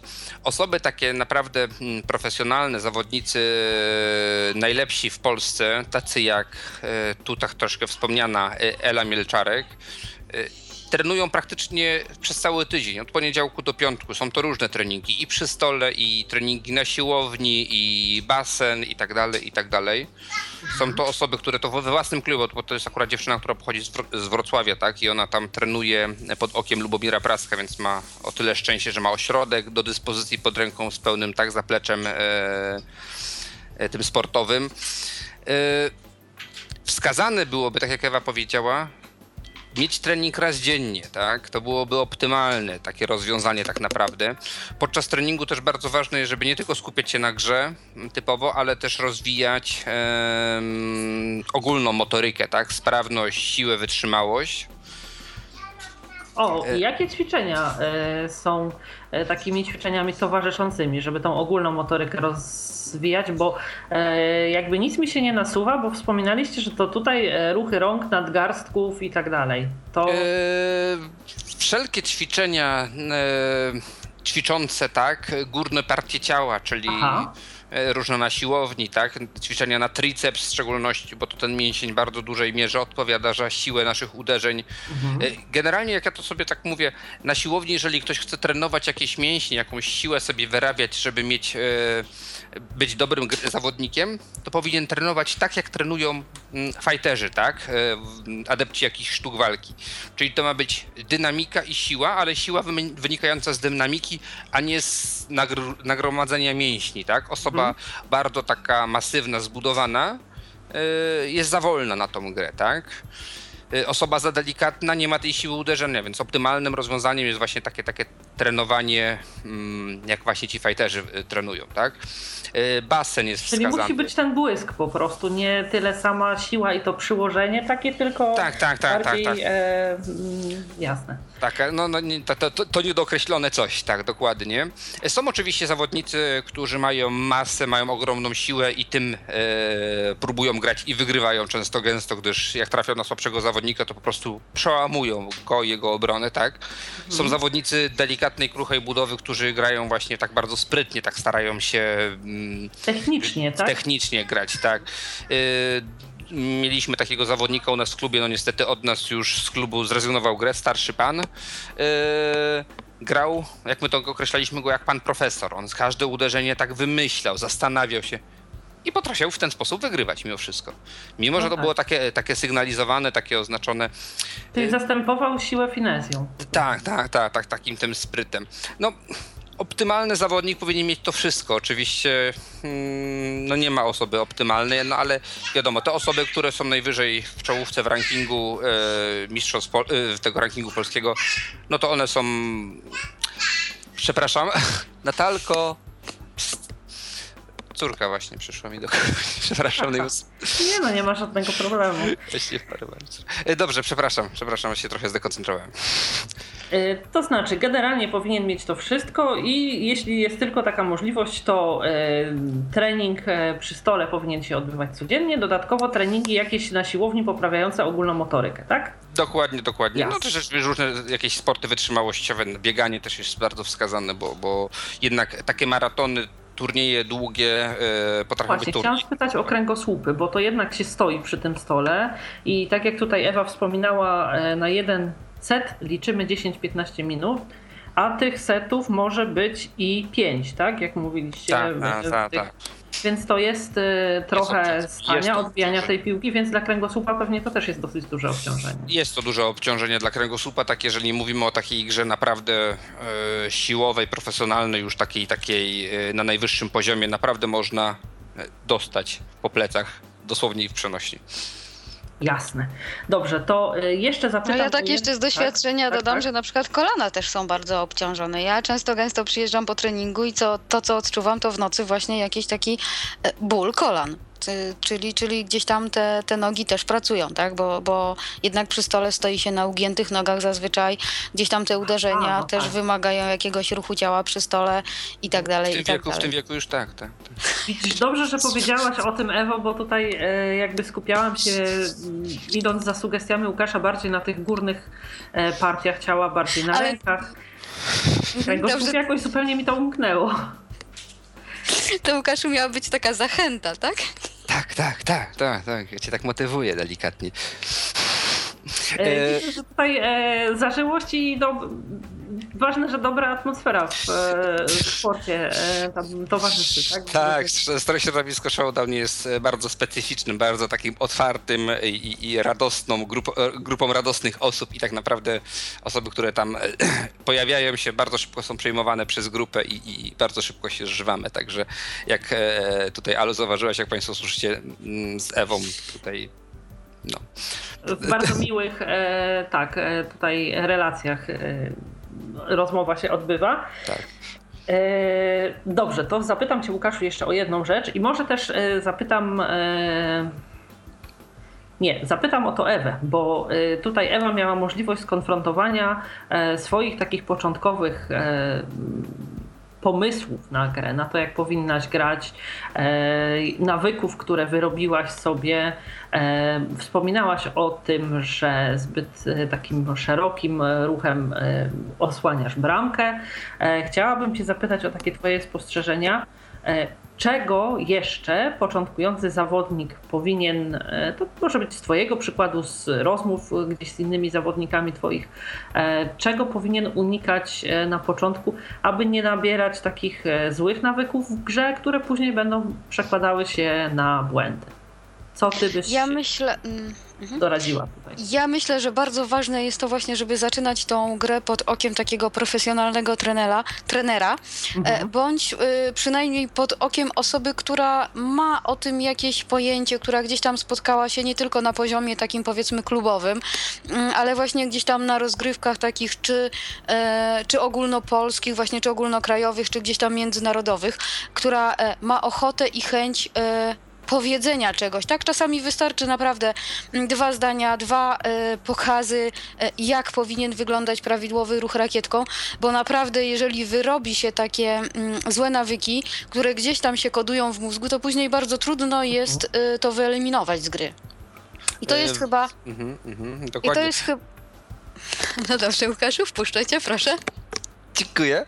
E, to jest dokładnie to, co często obserwujemy wśród zawodników kadry. Mm, często, gęsto wręcz zalecane jest teraz chwilę nie, nie graj, jakby sobie odpuść jakiś czas, żeby jakby zresetować te, ten zły nawyk, tak? Żeby móc mhm. na nowo coś drukać, bo e, powtarzane wielokrotnie jakieś złe zagranie, złe uderzenie, czy tutaj jak tak Ewa wspomniała, te, te, ten na przykład zbyt zamaszysty, szeroki ruch, powoduje, że potem już człowiek w ferworze gry używa tego niemal mechanicznie. To jest e, rozgrywka dzieje się w takim tempie, że człowiek nie ma czasu przeanalizować swojego ruchu, a mięśnie myślą za nas. Tak jest ta pamięć mięśniowa i człowiek wykonuje ten błędny y, przyruch i, i jest koniec. Tak naprawdę trzeba wtedy zrobić twardy e, reset, tak? Tak jest chyba w każdej dyscyplinie sportu, że jakieś złe nawyki wyniesione no, w szachach myślę, że też, bo przecież też jest jakaś koncepcja gier i e, gdzieś tam e, generalnie, jeśli e, powiela się jakieś błędne schematy, to, to też na pewno nie służy prowadzeniu dobrych rozgrywek,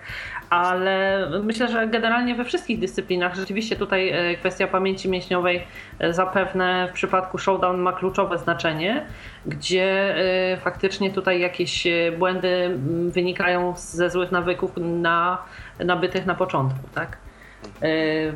To jeszcze. Y, to ja jeszcze może, Alu, tak, jeżeli tak, pozwolisz, tak. to jeszcze dodam, Jasne, że to co, jest, to, co jest ważne, tak? To, czego tak. też się gdzieś tam e, po drodze nauczyłam, co też wypróbowałam. Mm, ważne jest, żeby na przykład nie e, ćwiczyć e, jakieś tam elementy gry, czyli, czyli najpierw ćwiczymy serwy, później ćwiczymy jakieś tam jedno uderzenie kilka razy, żeby to wypracować, dopracować, a dopiero później grać i wszystkie te elementy łączyć w grze na stole, tak? Czyli najpierw ćwiczymy powiedzmy jeden element, drugi drugi element kolejny i później dopiero y, na stole y, y, łączymy je w jedną wspólną całość. I to chyba daje takie najlepsze mm, rezultaty. Tu jeszcze Ale a propos stołu, to taka ciekawostka od Adriana, który napisał, że cena stołu to no, kilka tysięcy złotych, zdaje się 6 tysięcy złotych. Chyba 8 no, nawet. Tak, tak, są ceny zaporowe. Tak. E, zaporowe, a ulegają zniszczeniom stoły szybko e, podczas takiego codziennego użytkowania, czy są raczej trwałe? Mm, ze własnego doświadczenia wiem, że no nie ma rzeczy trw zupełnie trwałych. Te stoły nie no, oczywiście nic nie jest wieczne, Tak, ale... tak, też się, też się niszczą. E, najczęściej te stoły, o których wspomniał Adrian, to są czeski, czeskie stoły, czeskiego producenta. Są to stoły, które tak najbardziej są rozpropagowane w Europie. Na nich mhm. rozgrywane są naj, wszystkie takie te najważniejsze turnieje światowe, europejskie. I te stoły, no niestety ze względu na swoją specyfikę, specyficzną budowę, one są na, na aluminiowej, one są dość delikatne, dość cienkie, no niestety ulegają e, zniszczeniom i po kilku latach stoły są już bardzo, w bardzo e, ciężkim stanie. Na dodatek e, stosowanie tych rakietek z tych włókien On te rakietki mhm. są bardzo sztywne, bardzo twarde. No te rakietki zupełnie dewastują. E, Aha, bo rysują, tak? Powierzchnię. Rysują, mm, to mhm. wręcz jest e, nabijanie. Widziałem ostatnio w Finlandii taki e, stół, którego banda wyglądała tak, jakby się tam zabrał do niej drwale i z siekierą raz przy razie rąbał. To, no tak. to musiał jakiś naprawdę mega silny zawodnik grać tą rakietką, no i, i stół był troszeczkę zdefektowany. Zresztą Ale... tak naprawdę wszystko się, e, wszystko się zużywa, bo piłeczki też bardzo szybko się zużywają. Jeżeli nawet nie pękną, tak, i, i uda im się przetrwać, to te piłeczki później robią się takie szorstkie, chropowate e, e, i, i właściwie nie da się nimi grać, bo jest zupełnie inny, jak gdyby mm, poślizg, zupełnie inne poruszanie. Nie się tak szybko toczyć, tak? Tak, dokładnie. Mhm. I, I trzeba naprawdę uderzać wtedy mocno. Nie da się jak gdyby wypuścić tej piłki takim poślizgiem, no bo ona zwyczajnie, jeżeli jest taka chropowata, zniszczona, to, to, to nie da się wbić.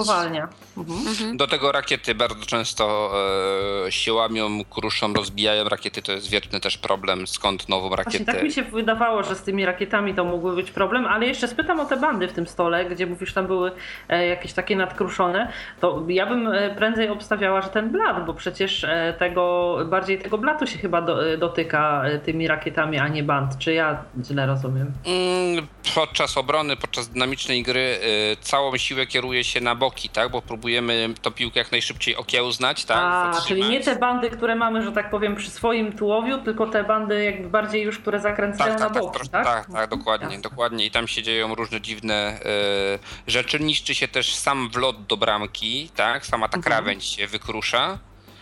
E, niszczy się też ten środek łączenia, bo stół składa się z dwóch e, takich samych jakby połów, e, połówek, tak? I, I te samo łączenie, ten, ten styk tych dwóch miejsc też potrafi się powykruszać. To w trakcie przenoszenia, transportu, czy podczas zwykłej eksploatacji stołu to się potrafi ruszyć. Sama rama, na której stół stoi, może się tak troszeczkę w trakcie gry, bo to jednak człowiek się na ten stół opiera, tak, podczas fer ferworze walki, tak, pcha ten stół się często, gęsto i wtedy ten stół też na tych nogach zaczyna się bujać i tak naprawdę całościowo stół dostaje e, po grzbiecie.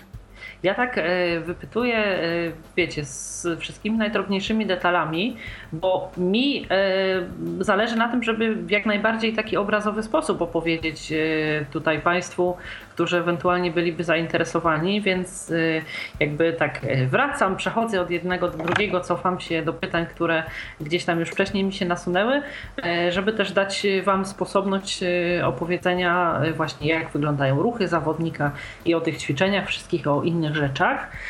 Dobrze, to jeszcze porozmawiam z Tobą Łukasz przez chwilę, bo chciałam zapytać teraz, bo rozmawialiśmy o mm, ćwiczeniach, o nawykach, o prawidłowych treningach, a chciałam Cię zapytać o coś takiego jak predyspozycje zawodnicze. Czy e, są jakieś takie zestawy cech, które Ty, e, widząc u początkującego zawodnika, wiesz, że e, będą e, pewne elementy treningów, oczywiście nie to, że nie miałby trenować w ogóle, ale będą e, pewne elementy przychodziły z łatwością i rzeczywiście warto na tego człowieka postawić, bo tak jak mówiłeś wcześniej, będą z niego ludzie, a też czy widzisz osoby, które powiedzmy mają jakiś zestaw cech takich, który no generalnie może sobie oczywiście każdy uprawiać amatorsko dla rozrywki, dla przyjemności i tak dalej, ale Y, nie ma możliwości z takiego człowieka e, stworzenia profesjonalnego zawodnika? Jeśli tak, to jakie to zestawy? Tak. Ja trochę zacznę od, od, od, końca. Dobrze. E, zacznę tak, na początku. Mm, ja uważam, i to tak troszeczkę po sobie patrzę, nie ma tak naprawdę osoby, która nie nadaje się do gry. Mm, mhm. Ja niestety patrząc na obecnie grających zawodników, nie jestem jakoś szczególnie szybkim zawodnikiem, szczególnie e, błyskotliwym, ale mimo wszystko gram ponieważ nie tak. I tak naprawdę można uzyskać pewien poziom, tak jak ten wspomniany przeze mnie kolega, e, doświadczenie e, już o granie może powodować, że, że, że tak naprawdę długim, długim treningiem wytrwałym można dojść do, do, do wspaniałych rezultatów i to się często zdarza. Ale teraz wracając do porządku pytania mm, koordynacja ręka, e, ręka, koordynacja jakby ręki, głowa ręka, tak? Jakby szybko. Ucho ręka. Ucho ręka, tak, analizujemy, mhm. tak, ale przez. Tak, analizujemy, co się dzieje na stole i szybko jesteśmy w stanie rozczytać to i szybko zareagować. Czyli, Czyli taki, taki ten, dobry refleks trzeba mieć. Tak, tak, refleks. Tak naprawdę perkusista by się sprawdził, myślę. E, osoby, które najlepiej grają, to są osoby właśnie mega szybkie, które potrafią bardzo błyskawicznie w ułamku sekundy zamknąć bramkę przed latującą piłką, szybko wyprowadzić atak, także przeciwnik, który uderzał piłkę, tak, nie zdąży jeszcze powrócić do bramki, a już tam piłka na niego yy, czeka, tak, więc to taka ta, ta koordynacja i, i maksymalny refleks, to są e, takie te czynniki, które predestynują e, osobę do, do tego, żeby była dobrym graczem showdown. Rozumiem. Dobrze, to teraz jakby w ostatniej odsłonie naszej rozmowy mm, chciałabym porozmawiać z Wami troszeczkę o rozgrywkach e, w Polsce i na świecie. Najpierw zacznijmy od takiego e, podstawowego podziału, bo tutaj wspominaliście o tym, że zawodnicy noszą gogle dla wyrównania szans i tak dalej. Natomiast czy w jakiś sposób są dzieleni na e, grupy osób niedowidzących i niewidomych, czy tutaj raczej jest to kwestia płci, na jakiej zasadzie te podziały w rozgrywkach się odbywają? To do ciebie, Łukaszu, oczywiście. Yy, tak to wygląda mniej więcej. E, nie ma podziału na osoby niewidome i niedowidzące. Wszystkie osoby grają mm, w jednej grupie. Nie ma też podziałów e, generalnie na takich dużych rozrywkach na juniorów, seniorów i tak dalej. E, oczywiście istnieje podział na mężczyzn i, i, i kobiety. Na tych najbardziej kluczowych zawodach rangi mistrzostw Europy, świata czy, czy Polski jest ten podział.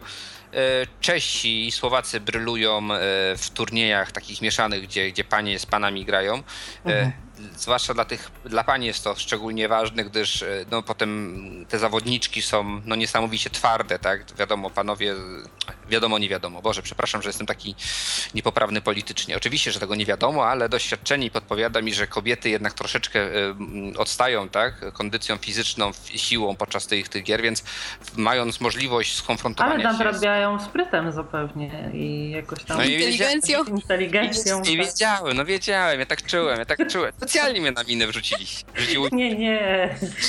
tak, tak. Generalnie mają szansę sobie pograć i, i to jest bardzo fajne i, i, i, pozytywne, no ale myśląc o takiej realnej konfrontacji, to tak naprawdę panowie grają między sobą, pani między sobą. Y, podziału, y, tak jak mówiłem już, wiekowego też nie ma. Zdarzały się turnieje na przykład w Polsce jakieś, które były tylko dla, dla juniorów, ale to bardziej wynikało z widzi mi się grantodawcy, tak? Mhm. Czy tam projektów. Wtedy miały bardziej rozbudowaną formułę, tak? Gdzieś tam jedne były dla juniorów, inne dla seniorów, tak? Znaczy to były po prostu jakieś tam turnieje. Aha, osobne. Dla, dla juniorów, gdzie tylko tam osoby do jakiegoś wieku jechały, tak? Ale generalnie nie ma tego podziału. Eee... Tak, to chyba tyle na temat podziałów. Mężczyźni i kobiety to jest główny podział, tak? Tutaj przebiega ta linia. E, są oczywiście nadawane mm, przez lekarzy e, tych sportowych, międzynarodowych e, te e, klasy, tak, zawodnicze B1, B2, B3, gdzie B1 to jest osoba zupełnie niewidoma, B2 szczotkowiec, B3 osoba y, słabowidząca. So, y, są nadawane, tak, te, te klasy i trzeba spełnić te minimum y, bycia w tej grupie B3, żeby wziąć udział w jakichś liczących się rozgrywkach, tak, punktowanych. Mhm. Ale w samej grze to nie ma żadnego przełożenia, gdyż wszyscy grają w goglach i tu już każda osoba tak potrafi tak gra. Mhm. Jasne, rozumiem. E, to chciałabym Cię teraz zapytać, jak wyglądają, e, jakiego mm, rodzaju, na jakim szczeblu odbywają się rozgrywki e, u nas w Polsce? Czy to jest jakaś jakby liga, bo wspomniałeś o kilku drużynach? Czy to są raczej turnieje takie, na których, że tak powiem, całe towarzystwo się spotyka i gra na zasadzie rozgrywek pucharowych każdy z każdym, drogą eliminacji się odpada i gdzieś tam wyłaniany jest zwycięzca turnieju? Na, na jakich zasadach te rozgrywki u nas się yy, Zapytałaś o dwie rzeczy naraz. Na początku powiem, jakie turnieje się w Polsce odbywają, jakie się mhm. odbywały, jakie się odbywają obecnie. Yy, jeszcze do niedawna jedynymi turniejami w Polsce, które się odbywały, to były yy, półfinały Mistrzostw Polski, dwa półfinały, Polski Północnej i Polski Południowej, tak, mniej więcej porówno zawodnicy z obydwu tych części Polski jechali na swoje półfinały. I tam po ileś osób dostawało się do e, finałowej rozgrywki i finał był wspólnie dla tych zwycięzców z tamtych grup. I na tej podstawie była wyłaniana czołówka, tak, Mistrzostw, e, Mistrzostwa Polski, tak, i zwycięstwa Mistrzostw Polski. E, były też drużynowe Mistrzostwa Polski, czyli na zasadzie tych, tych drużyn, o których wspominaliśmy, się rozgrywały tego typu turnieje. Były też małe jakieś lokalne turnieje organizowane przez poszczególne kluby, stowarzyszenia. Tu warto wspomnieć o uwaga, uwaga, podlizuje się, przemysłowym turnieju, turnieju Puchar Podkarpacia. Aha. Ten turniej dość dawno był już odgrywany. Ewo, powiedz mi, ile to było razy? Trzy razy? Dwa razy? Y, na pewno co najmniej trzy razy. Y, tak, czy wcześniej było, to nie wiem, bo ja wcześniej jakby nie, nie interesowałam się tym sportem, więc nie wiem, czy, czy akurat był w showdownie, tak? Y, bo na pewno dużo wcześniej był rozgrywany w innych dyscyplinach sportowych, ale co najmniej trzy lata jest rozgrywany w showdownie. Dokładnie. I tak, tak. I, te, I analogiczne turnieje odbywały się na przykład u nas w Bydgoszczy. Ale też ja jeszcze wspomnę, a właśnie to, to Łukasz się już pochwali sam, więc nie będę, nie będę przerywać, bo w Bydgoszczy też jest taki turniej województwa kujawsko-pomorskiego. Tak, Aha. Mistrzostwa Województwa. Chociaż dopiero dwa razy chyba się odbywał. Tak, Mistrzostwa Województwa Kujawsko-Pomorskiego. Wcześniej był e, turniej o Puchar e, Łuczniczki. E, wiadomo, że, że, że, to jest uwarunkowane tym, jaki, jakie stowarzyszenie, jaki klub, jakie fundusze znajdzie, tak, i z jakiego źródła, no to tak to trochę się odbywa. I tak naprawdę do tej pory, do jeszcze rok temu, ograniczało się to tylko do tych kilku turniejów. I tutaj pozwolę się pochwalić, że od zeszłego roku, w zeszłym roku po raz pierwszy rozegrana została e, Liga Showdown. E, to był taki projekt e, z Pefronu, mm, Showdown nie tylko dla mistrzów 2016. W trakcie tego mm, cyklu jakby turniejów były rozegrane było rozegranych sześć spotkań w całej Polsce, cztery w Bydgoszczy, dwa w innych miastach, jeden we Wrocławiu, drugi w Rowach. Brało w nim udział, brali w nim udział zawodnicy e, z całej Polski, ze wszystkich tych ośrodków e, skupiających zawodników Showdown. E, wszystkie te ośrodki wystawiały swoich zawodników i to była taka rozgrywka ligowa, w której zawodniczy poszczególni liczyli, były zbierane punkty dla zawodników, dla klubów i tak dalej, czyli to taka formę pucharu miało. Tak i tak to wyglądało w zeszłym roku. Mam nadzieję, że w tym roku Pefron pozwoli nam na ponowną realizację tego projektu, bo, bo, bo super kuźnia, myślę, tak, tak mi się wydaje z mojego punktu widzenia, super kuźnia talentów i takie, takie miejsce do wyszukiwania tych osób, które e, mogą grać. No i w bardzo dużym stopniu aktywizowałem całe środowisko, te showdownowe, podniósł się poziom, wyraźnie, podniósł się poziom, poziom gry e, polskich zawodników. No właśnie, tak też przypuszczałam, że takie e, ligi czy też turnieje e, dla Ciebie jako dla trenera kadry są e, bardzo dobrą okazją do wyłuskiwania jakichś niedostrzeżonych może wcześniej talentów, czy też dobrych zawodników rokujących na przyszłość w kontekście trenowania już w kadrze, tak? E, tak, oczywiście i sam e, ten, e, ten cykl tych turniejów jest takim treningiem dla tych zawodników. Tak? I ci zawodnicy, tak jak Ewa w przypadku tych półfinałów Mistrzostw Polski przyjechała, zobaczyła, oj, to tak się gra, czyli to powinnam poprawić, to powinnam poprawić to. Mhm. To też zawodnicy, którzy mają kontakt z tą ligą i przyjeżdżają na te turnieje, też często gęsto zauważam coś takiego, że oj, czyli to oni tak grają, to robią tak. 5000 e, pytań do tych bardziej doświadczonych zawodników, rozmowy między sobą i potem widać, że na każdym kolejnym turnieju te osoby, które przyjeżdżają, coraz wyższy poziom. I teraz, tak jak były w, pod koniec zeszłego roku Mistrzostwa mm, Polski, to to były moim zdaniem, nie wiem, Ewo, popraw mnie, czy, czy to tylko moje subiektywne takie odczucie, naj, silniej obstawione e, Mistrzostwa Polski o największym poziomie chyba do tej pory rozgrywanych Mistrzostw Polski. No ja niestety nie mogę porównać Łukaszu, ponieważ ja byłam pierwszy raz na Mistrzostwach Polski, e, ale rzeczywiście, rzeczywiście no chyba ta liga dała dużo, bo nawet e, sama mogę powiedzieć, że chyba podszkoliłam trochę swojej umiejętności nawet zdołałam zakwalifikować się do Mistrzostw Polski. Rzeczywiście te mecze rozgrywane były z taką zaciętością, z taką mm, naprawdę z takim profesjonalizmem i, i, i, i rzeczywiście ta, ten projekt Ligi e, Showdown nie tylko dla mistrzów był naprawdę świetnym przedsięwzięciem, bardzo fajna też formuła, mm, tak, bo, bo było tak, że e, jeden uczestnik może wziąć trzy razy e, w spotkaniu, czyli klub mógł sobie wystawiać różnych zawodników, każda osoba mogła wziąć maksymalnie trzy razy udział, ale byli też tacy zawodnicy, którzy przyjeżdżali tylko jeden raz, zdobywając punkty dla swojego klubu.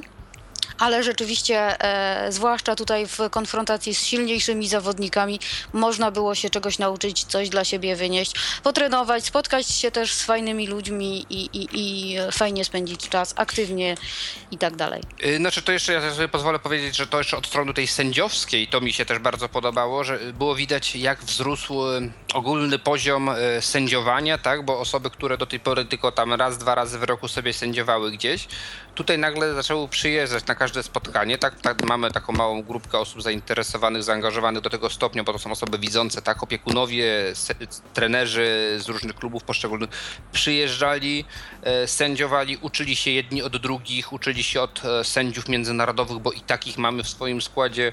I to naprawdę cały poziom organizacji to dla mnie też była taka, taka, taka trochę kuźnia tego, żeby nauczyć się organizować tego typu turnieje, żeby one były powtarzalne, żeby one zachowały jakąś klasę i poziom, tak? Jasne. I tutaj tak, jeszcze zadałaś wtedy pytanie y, w tym pierwszym pytaniu, na które cały czas tak y, niezdarnie odpowiadam. Y, pytałaś o system rozgrywek, eliminacji. Tutaj powiedziałaś każdy z każdym, tak? Mm, w przypadku 30 osób to byłoby cała tona spotkań, ja sobie kiedyś to nawet obliczyłem, ile by to było spotkań.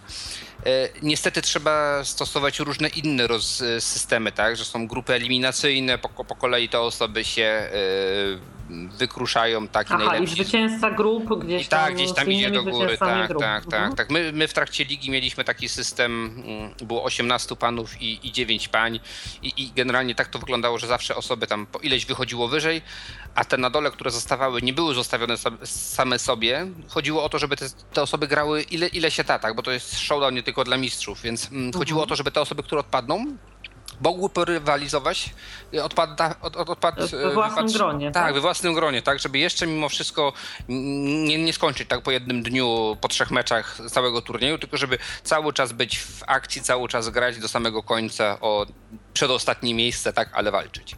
Jasne.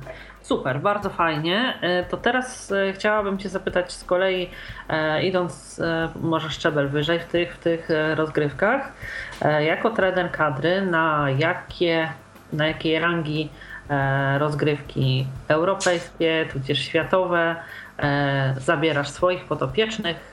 Jakie są takie najbardziej, powiedzmy, znamienite imprezy, na których byliście ostatnio? E, tak. E, mm, e, co dwa lata odbywają się Mistrzostwa Świata. Mi jeszcze jako trenerowi nie udało się być na Mistrzostwach Świata. Co dwa lata, te, w których nie na Mistrzostwach, odbywają się Mistrzostwa mm, Europy. Mm, Natalko, nie naciskaj. Nie, nie, nie, nie, nie, przepraszam. Już przyszedł pomocnik sprawdzić, bo za długo taty nie było. Jeszcze chwilę. Tak. E, co dwa lata rozgrywane są Mistrzostwa Europy, co dwa lata Mistrzostwa Świata. Co roku jest, do, do, do tych turniejów zaraz wrócę, co roku jest rozgrywany bardzo ważny turniej European Top 12 to jest taki specyficzny turniej. Mm, w nim bierze udział dwunastka najlepszych zawodników i dwunastka najlepszych zawodniczek z całej Europy z rankingu, bo w trakcie różnych innych rozgrywek e, prowadzony jest ranking IPSY, taki międzynarodowy ranking, gdzie się zdobywa punkty za poszczególne turnieje. Te turnieje są e, punktowane. Turniej, żeby był punktowany, musi spełnić określone tam e, warunki, tak, wyznaczone przez IPSę. I na tym turnieju specyficznym właśnie nie dość, że przez cały rok trzeba być aktywnym, żeby być w tej pierwszej dwunastce najlepszych zawodników, tak, w rankingu, to trzeba jeszcze na tym turnieju wykazać się niesamowitą odpornością i wytrzymałością, gdyż turniej jest rozgrywany w tej formule najbardziej miarodajnej, ale i najtrudniejszej dla zawodników, czyli dwunastka dziewcząt, dwunastka panów, każdy z każdym e, walczy, czyli 11 meczów i to na dodatek w formule best of five, czyli trzeba wygrać przynajmniej 3 sety. Na tym poziomie tych najlepszych zawodników mecze trwają nierzadko po półtora godziny i po 5 setów, 11 meczów, 2 dni. Mm, wyobraźcie sobie Państwo, wyobraźcie sobie mm, dziewczyny, jak to, jak ci zawodnicy na koniec tego turnieju wyglądają. No, Wspaniały turniej. Bardzo Tak, tak. Bardzo prestiżowy turniej w tutaj w środowisku Showdown. Y, darzony bardzo wysoką taką mm, tak, poważaniem, tak? Zwycięzca European Top 12 to jest ktoś. Y, następnie są organizowane Mistrzostwa Europy i tutaj pozwolę się pochwalić. W zeszłym roku na Mistrzostwach y, Europy Zabrali, zabraliśmy trójkę naszych najlepszych graczy. Właśnie aktywny tutaj na Skype'ie Adrian Słoninka, mhm. Krystian Kisiel oraz Elżbieta Milczarek. Mhm. Krystian, młody zawodnik, który Ewo, popraw mnie, dwa lata temu czy trzy lata temu zaczął grać?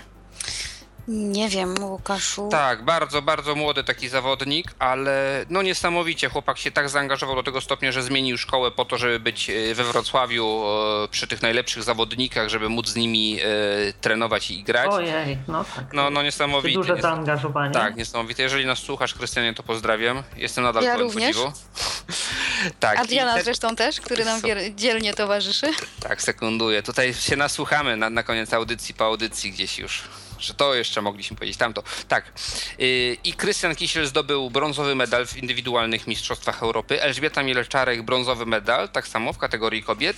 A razem cała drużyna z Adrianem zdobyli złoty medal Mistrzostw Europy. Po raz pierwszy tej e, rangi turniej został wygrany przez e, nasz e, team. No niesamowity prestiż, niesamowity wyczyn atmosfera, która panowała w drużynie podczas e, pokonywania kolejnych przeszkód, no była niesamowita. Trzeba być, zobaczyć, przeżyć, żeby uwierzyć, że mógł być taki duch. E, drużyny, które były przeci, e, przeci, które mm, były oponentami tak, polskiego teamu, podchodziły do stołów już z taką często rezygnacją. Po tym, co oni zobaczyli, co my robimy na samym początku rozgrywek, aż bali się po prostu e, podejść do Polaków, co oni też zrobią, mimo że e, te drużyny często składały się z zawodników, którzy w indywidualnych rozgrywkach byli lepsi, ale po prostu w polskim teamie e, był taki duch, taka energia, że, że że tak powiem brzydko, przejechaliśmy się po wszystkich. Ojej, e, to w takim razie moje gratulacje i tym bardziej się cieszę, e, mogąc Dziękuję. gościć Cię tutaj e, i słuchać o tym, jak trenując wraz ze swoimi potopiecznymi odnosisz i Ty jako trener i oni jako zawodnicy odnosicie tak spektakularne zwycięstwa. Mhm, no dziękuję. Znaczy tutaj y, muszę w, y, wspomnieć y, osobę, której tak naprawdę w dużej mierze ci zawodnicy zawdzięczają swój sukces. To jest były trener kadry Lubomir Prask, który mhm. na co dzień z nimi tam w klubie jest i jakby na co dzień z, zajmuje się ich rozwojem, mobilizuje ich do codziennych treningów. E, on był również jako drugi trener tak, na tych Mistrzostwach Europy i razem z nim przeżywaliśmy te wszystkie sukcesy. Lubek to jest człowiek, który mnie nauczył grać, mnie wciągnął w e, grę Showdown, także Lubko, jeżeli słuchasz, dziękuję, bo naprawdę to jest coś, co lubię robić. Jasne. wiesz. To w takim razie e, tutaj czapki z głów. przy takim waszym e, zaangażowaniu pewnie na tle Europy będziemy się prezentować e, Miejmy tak nadzieję. dobrze jak do tej pory. Właśnie chciałam jeszcze zapytać... Mistrzostwa, mistrzostwa, Świata w tym roku mamy, także... Także poprzeczka jeszcze wyżej zawieszona, tak? Tak, tak. E... W zeszłym roku, tak. Ponieważ Mistrzostwa Świata dopiero przed Wami, a Mistrzostwa Europy już za, e, chciałabym zapytać, bo tutaj mówiłeś o tym zwycięstwie drużynowym, e, o tych medalach.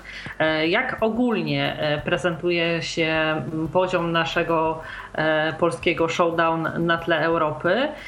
Chciałam też zapytać o taką kwestię, czy są takie drużyny, czy tacy zawodnicy, którzy od powiedzmy lat, od wtedy, kiedy ty zajmujesz się e, tutaj e, czy kadrą, czy ogólnie e, graniem w showdown, stanowią taką markę i są rzeczywiście trudnymi przeciwnikami do pokonania i takimi, którzy powiedzmy nawet naszym profesjonalistom, tym kadrowiczom już no zwyczajnie nie leżą i trzeba się naprawdę napocić i namachać, żeby takie sukcesy odnieść.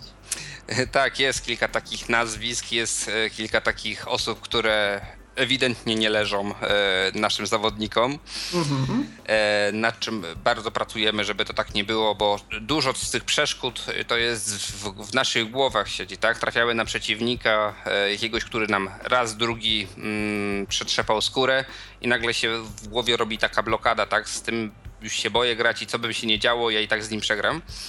E, Jak wyglądamy generalnie na tle Europy, świata? Bardzo dobrze, bardzo dobrze. Nasi zawodnicy to są zawodnicy z pierwszych dziesiątek rankingu. E, ci, mówię o tych topowych zawodnikach, tak? tak? Z czołówki tutaj e, krajowej. To są zawodnicy, którzy mieszczą się w dziesiątce najlepszych zawodników e, w tym rankingu IPSA.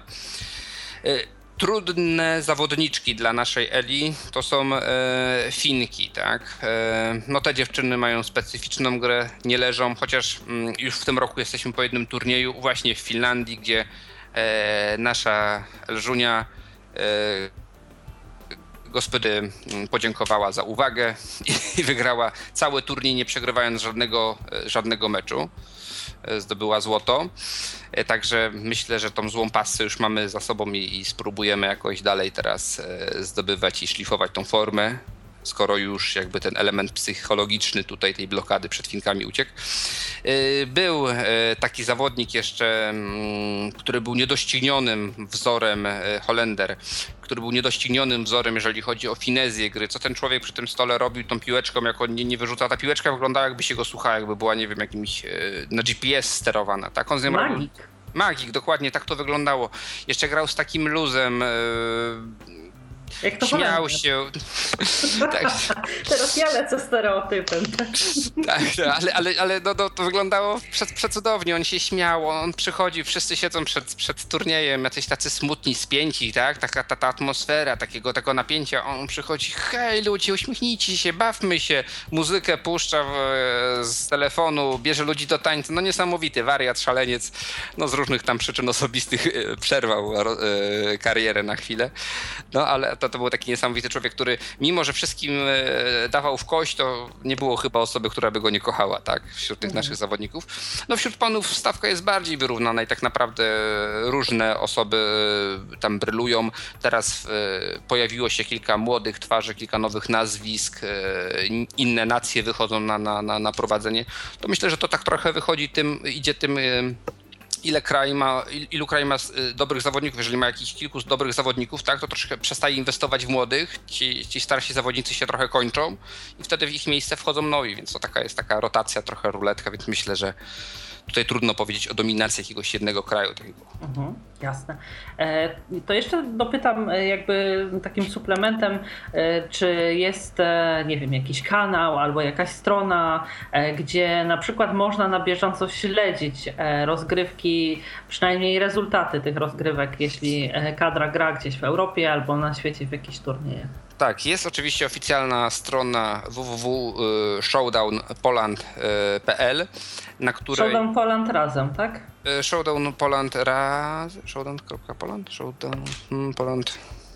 Ja zaraz sprawdzę. Dobra, wpiszemy w komentarzu najwyżej. No, mhm. byłbym, uprzejmy. E, oczywiście mam, prawda, jako zakładkę i i nie wiem. A to jest... właśnie tak jak nikt nie zna swojego numeru telefonu, to znaczy no czasami ludzie nie znają większość. Tak, tak, tak, tak. tak. Mhm coś koło tego. E, tak, e, i tam na tej stronie publikowane są informacje o nadchodzących turniejach, o tym, e, jaki turniej się odbył, na którym miejscu, jaki zawodnik był. Informacje na temat ligi oraz też informacje na temat turniejów i osiągnięć kadry można znaleźć na stronie klubowej www.ksn.łuczniczka wróć bez KSN www.łuczniczka.org.pl e, Na tej stronie to jest e, strona mojego klubu i tam się znajdują informacje też na temat e, Showdown.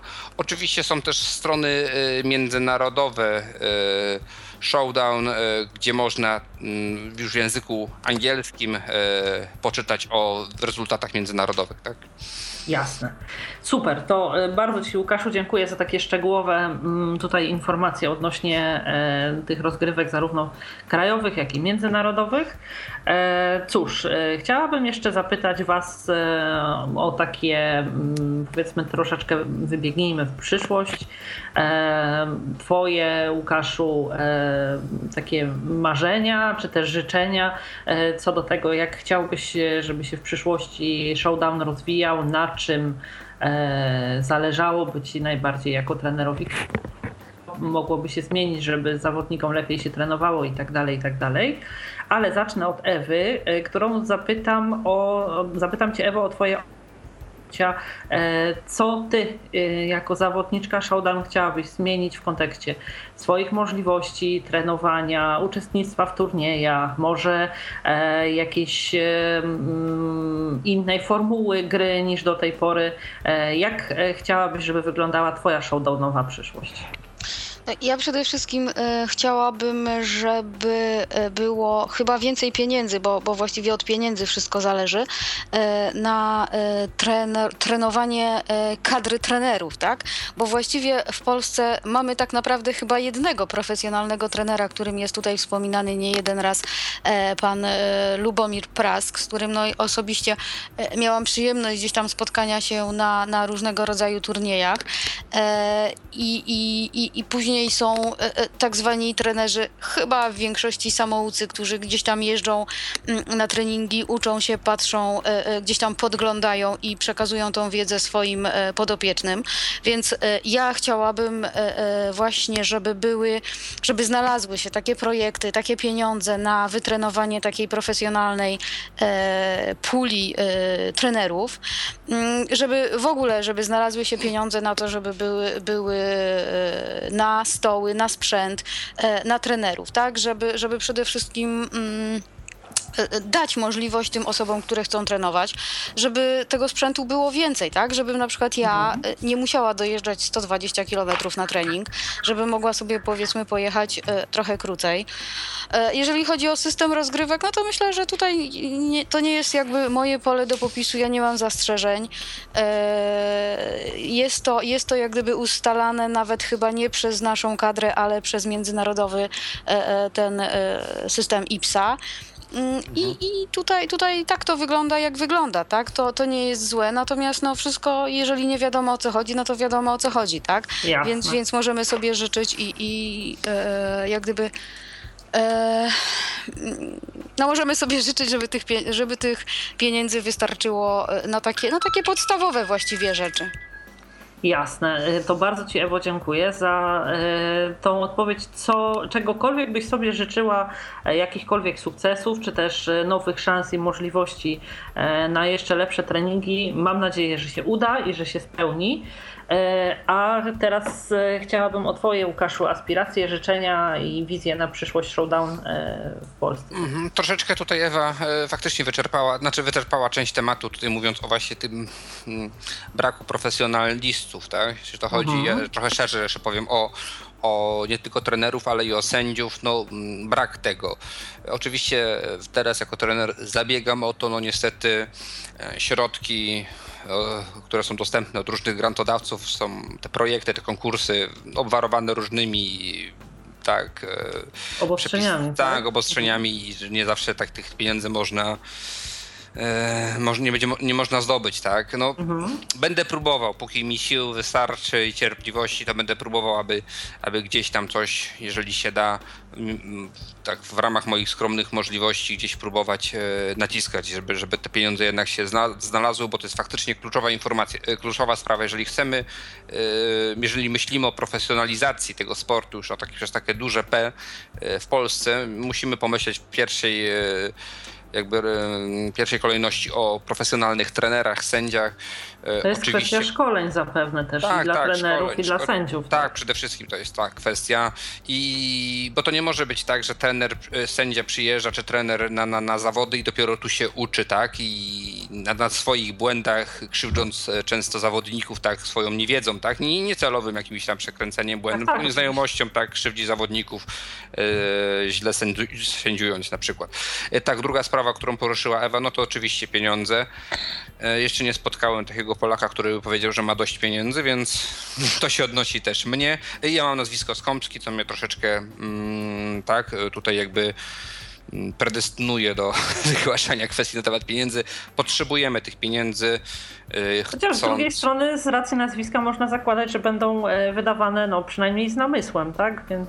E, no, żeby wydawać z namysłem trzeba mieć co wydawać, bo co z tego, że jeżeli na przykład ja mam dużo namysłu, tak, a pieniędzy nie, no tak. tak, więc chciałbym, żeby tych pieniędzy oczywiście było więcej, to w, tutaj w kontekście i tutaj dostępności jak gdyby dla, dla zawodników tych, tych e, w klubach, tak jak i dla kadry. E, kwestie rozgrywek no troszeczkę tworząc ten projekt e, Showdown nie tylko dla mistrzów, troszeczkę ten deficyt e, turniejów w Polsce zażegnaliśmy. E, w zeszłym roku wręcz miałem pod koniec wrażenie, pod koniec jakby tego cyklu, że już jest przesilenie, więc tutaj myślę, że, że, że, że idziemy w dobrym kierunku i tu jest wszystko ok. Miejmy nadzieję, że w tym roku też się pojawią pieniądze na, na realizację tego projektu. A trochę szerzej. W mm, Marzeniem też moim jest, żeby showdown jako dyscyplina międzynarodowa Y, bardziej się sprofesjonalizowała. Tutaj na samym początku naszej rozmowy miałem problemy z wytłumaczeniem i wyjaśnieniem, dlaczego to jest tak, że piłka tak uderza w ciało i jest błąd. Mnóstwo jest takich kontrowersji, wiele rzeczy jest takich niepodonazywanych. Y, są różne kontrowersyjne bramki. Te bramki są tak skonstruowane, że piłka potrafi wpaść, wypaść. Y, I teraz, czy była bramka, czy nie było, to wszystko rzutuje na to. No i jeszcze wiele czynników, o których pewnie nie wiem, albo też takich czynników, o których tutaj raczej nie wypada mówić mówić, e, że MKOL nie chce przyjąć showdown jako dyscypliny paraolimpijskiej. Już od, od lat, od wielu lat, od 92 od paraolimpiady w Londynie, w tu wspomnianej, e, cały czas jest mówione, że to już przy następnej paraolimpiadzie już showdown będzie e, dyscypliną paraolimpijską. Cały czas tak się nie dzieje. Zawodnicy się starzeją, zawodnicy kończą kariery. Tu mówię o tych, tych pierwszych, tych najstarszych zawodnikach z Europy, tak? a cały czas nie ma tej paraolimpiady. To jest wspaniały sport, myślę, i, i zasługuje na to, żeby, żeby chociaż przez jakiś czas w trakcie tych rozgrywek paralimpijskich yy, to się działo. I to jest takie moje, moje wielkie, wielkie marzenie, bo nie ukrywam, chciałbym tak pojechać z, z, z, zawodnikami na paraolimpiadę, czy już nie mówiąc jako zawodnik, no ale to chyba za słaby jestem, pojechać jak na, na, na, na paraolimpiadę wspaniałe, wspaniałe uczucie. Myślę, że to by było i, i, i taki I też prestiż. marzenie każdego zawodnika po prostu wziąć udział w rozgrywkach tak, olimpijskich. Tak, tak. A y, jeszcze zapytam Cię o jedną rzecz, bo mówisz tutaj o tych y, czynnikach takich powiedzmy organizacyjnych, tudzież finansowych i tak dalej. A jak jest z samymi zawodnikami? Nie narzekacie na brak chętnych gdzieś tam do grania? Czy... Bywa, bywa to tak, że, że tych chętnych jest trochę mm, mało. E, trochę właśnie problemem jest to, co wspomniała Ewa. No Ewa ma zacięcie niesamowite, 120 km. I ja 120 km, ja, ja muszę jeździć do swojego domu 12 km do klubu i często gęsto mi się nie chce. 120 km, no Ewo, to raz już sobie nie żartuję, no szacun naprawdę, bo, bo, bo, bo to jest niesamowite. I problemem jest to, że tych klubów tych miejsc, w których są stoły jest tak mało. Tak naprawdę gdyby było więcej, to ci znaczy, zawodnicy by się... Wiesz, no ja to też poniekąd rozumiem, no bo też nie będzie tak, że gdziekolwiek mieszka jakiś zawodnik, tak, to zaraz y, będzie... Stół za 6 tysięcy złotych. No tak, no więc to, to też y, jak, jak, trzeba jakieś proporcje zachować, ale rzeczywiście szkoda, że aż 120 km faktycznie musi Ewa dojeżdżać, bo y, no, sporo energii, którą mogłaby poświęcić na trening, czy też czasu, który mogłaby poświęcić na dłuższy trening, e, poświęca po prostu na dojazd w tej sposób. Znaczy no, Alu, jeżeli chodzi o energię, energię, to takie jestem trochę przyzwyczajona z racji swojej pracy i różnych takich wyjazdów, więc nauczyłam się wykorzystywać. Yy, czas w pociągu, bądź to na y, odsypianie zaległości, bądź na y, jakieś zgłębianie wiedzy typu książki, czy, czy nieprzeczytana prasa. Więc, y, no ale rzeczywiście ten czas, który, który gdzieś tam ucieka, to jest, jest pewnego rodzaju trudność, tak? Bo, bo nie, zawsze, nie zawsze jest możliwość, nawet jeżeli jest ochota, której czasami też nie ma, bo czasami rzeczywiście nie chce mi się jechać, mm, ale nawet jeżeli jest możliwość, tak, no to niestety są obowiązki E, jakieś e, służbowe, są obowiązki domowe i nie zawsze można na ten trening dojechać. To życzę Wam po prostu czasu, pieniędzy, bezmiaru dobrych zawodników, e, wytrzymałych stołów, piłek, które trzymają się gdzieś tam w ramach band, e, sprawiedliwych i dobrze wyszkolonych sędziów, świetnych trenerów, e, Ewo, przeciwników, którzy będą mieli. Nie wiem. Ale którzy będą mieli miękkie nogi w momencie, kiedy będą stawali naprzeciwko naszych zawodników i po prostu no, jednym słowem, życzę Wam, żeby się Wam rozwijał showdown tak, jak, jakbyście tego chcieli po prostu. No ja powiem, niech się spełni, no bo cóż mam powiedzieć. Ja, ja, a ja powiem dziękuję.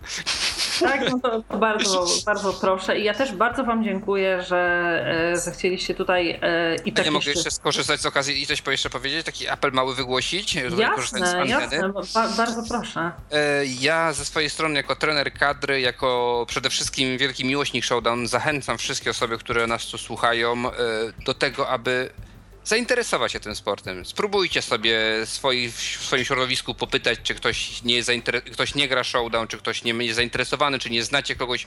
Spróbujcie skontaktować, halo Natalko, spróbujcie skontaktować e, go ze mną.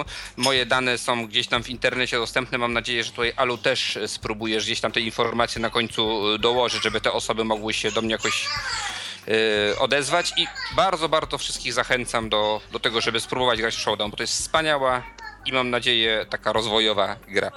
Jasne, więc myślę, że na pewno można się z Tobą, bo już tutaj doprecyzujmy przy sposobności, e, kontaktować przez e, klub e, Łuczniczka, KNS Łuczniczka Bydgoszcz, tak?